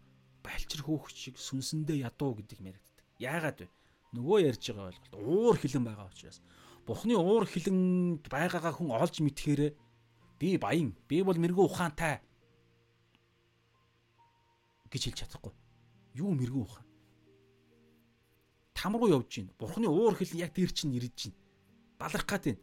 Хэр юу юу мэрэгэн ухаан бэ? Юу? Баларлаа авраарай гэж орилно гэсэн. Юу энэ минь өмсөн хувц мувц юу миний улс төр мөлс төр авраарай энэ далан нурлаа шүү. Би үхглээ үхлээ аврах хүн байна уу гэж орилно гэсэн байхгүй. Сүнсэндээ ядуу байдал. Тэгэхээр Тэнгэрийн аанчлалт тэднийх гэж байгаа. Тэгэхээр байнгын Есүс Христийн дотор ярих явах юм яриадаг. Тэгээ аюул байгаагаа ойлгох энэ төлөв байдал гимшилд аваачдаг. Тэгээ гимшил чинь өөрөө зөв тэр ариусгал те Есүс Христийн зөвхт байдалтай нэгдэх нэгдлийн хамгийн ихнийх нь төлөв байдал байгаа байхгүй. За 23 дугаар ишлэгээ өндөрлөе. Үл муудагч бурхны алдрыг мууддаг хүн шууд дөрвөн хүлт амьтад хийгээд мөлхөгчтэй адил дүрээр сольжээ гэж байгаа. Мууддаг хүний бүтээлд бурханд муудашгүй зөвхөн мууд зөвхөн муудашгүй бурхны алдрыг бурхны муудашгүй алдрыг зөвхөн бурханд өгөх ёстой муудашгүй алдрыг нь өөрчилдөг. Бурханд очих ёстой ямиг нь өөрчилчдөг. Бага байхгүй дээр нь асуудалгүй. Гэхдээ хүнд өгөх вэ гэдэг дээрээ авангуудаа өөрийнхөө дор байгаа өөрийнхөө бүтээсэн хиймш бүтэндээ өгдөг. Тэгснээрээ өөрөөсөө энэ дэлхийд бурхан байх гэдэг. Өөрөөсөө гэдгээр цаагаа чөтгөрийг хэлж байгаа шүү бүр. А наагоор бол тэр хүн бол тэ тэгснээрээ илүү өөрт нь ашигтай учраас гэж ярина гэсэн. За тэгээд ингэснээр бол Йохан 1-ийн Йохан бишээ эхлэл 3-ын эхлэл 3 дугаар бүлгээс 11-р бүлэг дээр хүн төрөлхтний уналт бол энэ дээр бол ингэж тавтагддаг. Ингээд ирэхээр цагаа цагаа тулахаараа шүүлт рүү орно гэсэн. А тухайн үед бол Ноагийн усан гал усан шүүлт ирсэн. Одоо бол галан шүүлт ирнэ гэсэн. Тэгэхээр яг адилхан эхлэл 3-аас 11-р бүлэг дээр байсан хүн төрөлхтний гин нүглийн аяг бол тухайн хүнийх бол дүүрж яваа. Яг дүүрэх үед цаг нь болохоор тэр хүн тэр хүний далан авагдаад нэгүсэл авагдахгүй энэ дэлхий дээрээс амин авагдана гэсэн. Тэгээд ирэхээр цагаа талахаараа аим шигтэй бурхны уур хилэн авна гэсэн. Аим шигтэй уур хил. Тэгэхээр энэ бүгд хүргэж байгаа гол юм бол нөгөө ихний хамгийн 18 дээр байсан гол гимнэг бол итгэл сүсэггүй байдал буюу бурхны хүлээн зөвшөөрөхгүй, бурхныг таньж мэдэхгүй, бурхантай харилцаанд огт орохгүй, бурханд алдрыг нь өгөхгүй байх буюу өөрөө бурхнаа болох, хүн өөрөө орших, өөрөө өөртөө бурхан байх, өөрөө өөрийнхөө эзэн байх гэдэг энэ сэтэл чинь хамгийн аимшигтай. Энэ сэтэл рүү ингээд цаашаага бүрлдээд ирэхээр бурханы ихний уур хилэн хүртнэ гэсэн үг. Энэ дэлхий дээр зөнд нь орхигдно гэсэн. Тэгээд ирэхээр өө энэ хүмүүстэй яагаад ийм шудраг бос байдгийг итгэж биш хүмүүсүүд яагаад те бузар муу хүмүүсүүд яагаад баяжаад энэ дээр сайхан амьдардаг байгаа юм бэ? Бурхан минь ээ. Та яагаад байгаа юм бэ? Бид нар харин яагаад ингэж зоогоод идэм бэ гэж хэлэх үед одоо библийн дагуу ойлгох хүн ойлгохоор тэдгэр хүмүүсүүдийг хараад харин бүр яана эднэр гэж хэлнэ гэсэн үг байхгүй. Харин бид нар бол ёо бурхныхаа авралаар нэрээс та хончингийнхаа дашуурыг хүртээд чамаагүй хонин сөрөг дээр явж шүү. Хашаандаа орноо, гэртээ орноо, сайхан тижэл олж иднэ гэж ярина гэсэн. Харин эднэр одоо яана удахгүй чонд баригдана. Яана одоо зарил ингээд дууга аялал цаашаа яваад өглөө. Идэж уух юмаа идэл те зугаад цингээл те нөгөө нэг авилга мавилгалаа өгөөл сайхан баяр жаргаал тэгэл нөгөө нэг машин тэргээ хитэ 10-аараа авч унаал те тэгээ сайхан сайхан мөнгө төгрөгөөр янз бүрийн юм бий болгоод амьдрал зохиогоол ингээл дуугаа аялал пажигдаал шаш яваад л цаана одоо ардаа нөхөр унлаа унлаа өө унчлаа өө яана. Иймэрхүү төвшин бид харах хэмжээнд харж байгаа үл үүдээ харах хардаг штэ бид нар те Гэхдээ дандаа харахад хэцүү. Ингээд яг Библи судлаад ингээд те яг эзэнтэйгээ харилцаад байхаар ингээд харагдаад байгаа байхгүй яванда. Гэхдээ ингэж харахын тулд нөгөө нэг ийм ойлголт байгаа шүү дээ. Хуурамч мөнгийг хуурамчдгийг нь илрүүлэхийн тулд тухайн тэр банкны тейлер мэйлдэр дээр ямар хичээл заадаг вэ гэхээр оригинал мөнгийг мөнгөнд дэвсгдгийг судлаад байгаа заадаг гэдэг ярьж байсан шүү дээ. Хэн баасан ч үл ярьж илаа. Тэгэл цаг нь болоод ирэхээр хуурамч мөнгө гараал ирэх юм бол дор нь илрүүлнэ гэсэн үг байна. Ягаад тэгэхээр үнэн зүйл дандаа үнэн зүйл дотор яваад байгаа учраас. Тийм учраас бүгдээрээ Библийн дагуу амьдрч, оюун санаагаа шинчилж, үүний дагуу амьдрч, өдөр бүр өөрийгөө өхүүлж ингээд иймэрхүү байдалтай Бурханаас имэх гэдэг өнөөдөр шинэ өнөөдрийн юм дээр ярьж байгаа шинэ маш чухал ойлголт шүү. Бурханаас имэх. Яг одоо бидний дээр байгаа Бурханы уур хилэнгээс имэх. Ингэснээрээ Бурханы аврал дотор нэгүсэл зөвхт байдал дотор нь явна гэсэн үг те. Энэ үнгүй орж ирж байгаа шүү дээ. Тэрнээс биш хүснээр амьдроо жарга жарга юу ч та нарын Есүсээс загалмай дээр аварцсан. Тэгэхээр энэ дэлхий дээр хүснээр амьдр гэдэг юм ярихгүй. Уур хилэн байгаа. Тэгэхээр тэр уур хилэн шудрагаас хариуцлага тооцох учраас Есүс Христийн дотор явдаг хүн л авраг тэр уур хэрэгнгээс гэтлэгддэг гэж ярьсан тий. За тэгээ бүгдээрээ товчхон дүгнцсэн үү сая баг. За яг дүгнч чи дахиад. Тэгэхээр Ром Ром 14, 15, 16 гэдэг дээр бол те сайн мэдээ тараахыг таавал үнэхээр их хүсэж тэр бүр баяр хөөр хүсэл нь болж бүр өртөөч гэж ярьж байгаа үүр хариуцлагатай гэж ярьж байгаа шалтгаан нь юу гэхээр 16 дээр хэлсэнчлэн энэ бурхны хүч юм аа гэж хэлж байгаа бүр хүч чадал болдог. Тэгвэл яагаад хүч болд юм бэ гэхээр 17 дээр энэ бурхан зүвт байдлаа тэр гайхалтай бүх зүйлийг сайн сайхан нэг гэсэн үг шүү дээ. Зөвхт байдлаа сайн мэдэн дотор илчил үнгүүгээр өгдөг учраас энэ. Тэрийг бид нар хин нэгэн тараах үүрэгтэй өөрөө ч гэсэн энэгээр амьдрахаараа бурхны зөвхт байдал дотор дагалдаж орж ирдэг ивэл өрөөдүүдийг авна гэсэн үг те. Ингэж ярьж байгаа. А тэгээ 18 дээр болохоор тэгээд энэ зөвхт байдал нь өөрөө яагаад хэрэгтэй вэ гэхээр энэ шаардлагатай юм уу гэхээр аимшигтай нэг үнэн ярьж байгаа. Яг одоо цаг дээр аимшигтай бурхны уур хилэн хуримлагдсаар байгаа нэг талаараа ирээдүйд цаг дээр ирээдүйд болох уур хилэн одоо цаг дээр болохоор бурхантайгаа харилцаа тогтоохгүй бурхны ивэлэрөө сайн сайхан аврал урилгад үгүйсгээл ах юм бол энэ давтагдаад ирэхээр яг хүрээ бурхан нэгэн цагт зөнд нь орхино гэсэн. Энэ бол аим шигтэй бурхны уур хилэн ярьж байгаа. Зөнд нь орхих гэдэг уур хилэн теологийн бас хэллэг байгаа даа байхгүй. А тэгээд э, яагаад бас ингэж бурхан ийм шудраг ийм аим шигтэй уур хилэн өгж байгаа вэ гэхээр маш тодорхой бурхан өөрийгөө илчилсээр байхад бид нар бурханыг бурхан гэж хүлээн зөвшөөрдөггүй, алдрыг нь өгдөггүй, талархдаггүй. Харин яадаг вэ гэхээр өөр бүтээлүүдийг бүтээгээд зохион гуутлаа тэрэндээ алдрыг өгдөг. Тэгээ тэрийг мэрэгэн ухаан гэж ирдэг.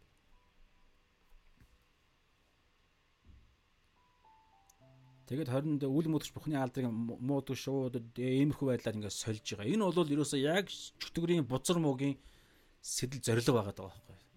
За тэгэхээр ерөнхийдөө ийм зүйл өнөөдөр ярьлаа. Тэгээд энэ бол харь үндэс э, гарчиг бол тий харь үндэснүүдийн гин нүглийн шалтгаан гэж хэлж болж байгаа. Бас харь үндэснүүд дээр би хоёрдугаар Ром 2-оос бол Израильчуудыг бас ярина шүү. Яг адилхан. Гэхдээ эхлээд харь үндэснүүд үзэж байгаа учраас ингэж ярьж байна. Харь үндэснүүдийн гин нүгэл үлдэх шалтгаан бол саяных байгаад байгаа юм. Тэ өөрөөсөө энэ хэд бухан шиг байх гад те ингээд тусгаар байх гад зохио янз бүрийн тус тусдаа өөр өөрөөсөө юм зохиогоод ингээд явж байгаа. Яг жинхэнэ бухны хайгаагүй. Хуучин гэрэн дээр бол энтэй хамааралтай бол бэс байдаг шүү. Хуучин гэрээнд бол аврагдах боломж байсан харь үндэснүүдэд. Израиль Израилийн одоо тэ итгэл үнэмшлийг аваад хөвч хөндүүлээд баптизм бүртээд итгэлийг тунхаглаад ирэх боломж байсан байхгүй юу? Ирэх боломж нь бол байсан шүү. Тэр сүмд нь хүртэл харь үндэснүүдэд ордог хэсэг гэж байсан байхгүй юу? А шинэ гэрээнд бол бүр тодорхой энэ эсрэгээр гоё болцсон тий. А тэгэхэд иймэрхүү зүйл ярьж байгаа. Тэгэнгүүтлээ энэ өнөөдрийн үтсийн хэсэг дээр бас Бурхны уур хэл харь үндснүүдэд дээр харь үндснүүдэн дээр яагаад бууж байгаа гэдгийг шалтгааныг нь үзсэн. За 24-өөс 32 дараагийн эх 3 3 өдөр яг байгаа гэхээр эндээс бий болж байгаа үр дагавруудыг бид нар үзэх юм. За тэгээд залбираад өндөрлөө. Эзэн энэ цагийн төлөө талархъя тэгээд өнөөдрийн цагаар дамжуулан та сайн мэдээний маш чухал ойлголт болох те бид яг одоо тамийн ял шийтгэл тамийн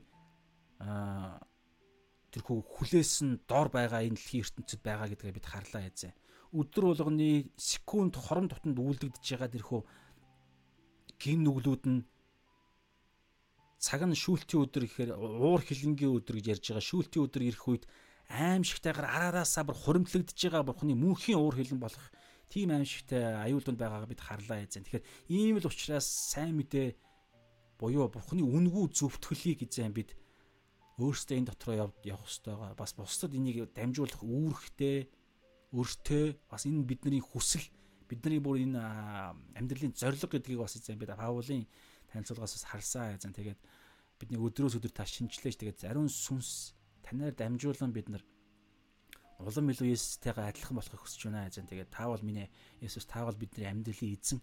Тийм учраас Иохан 14-ийн 15 20 23 дээр хэлсэнчлэн намайг хайрладаг бол тушаал тушаалуудыг минь сах гэж байгаа. Тийм учраас таны тушаал бол довчхондоо бусдыг хайрлах гэж ярьдаг. Тийм учраас эзэн та биднийг таны хайрын дотор улам илүүгээр өсч төлөвшүүлээч эзэн. Тэгээд юу нь гол нь вэ гэдгийг үргэлж сануулж өгөөрэй. Тэгээд энэ цагийн талаар талархын Есүс надад залбирч байна. Амен.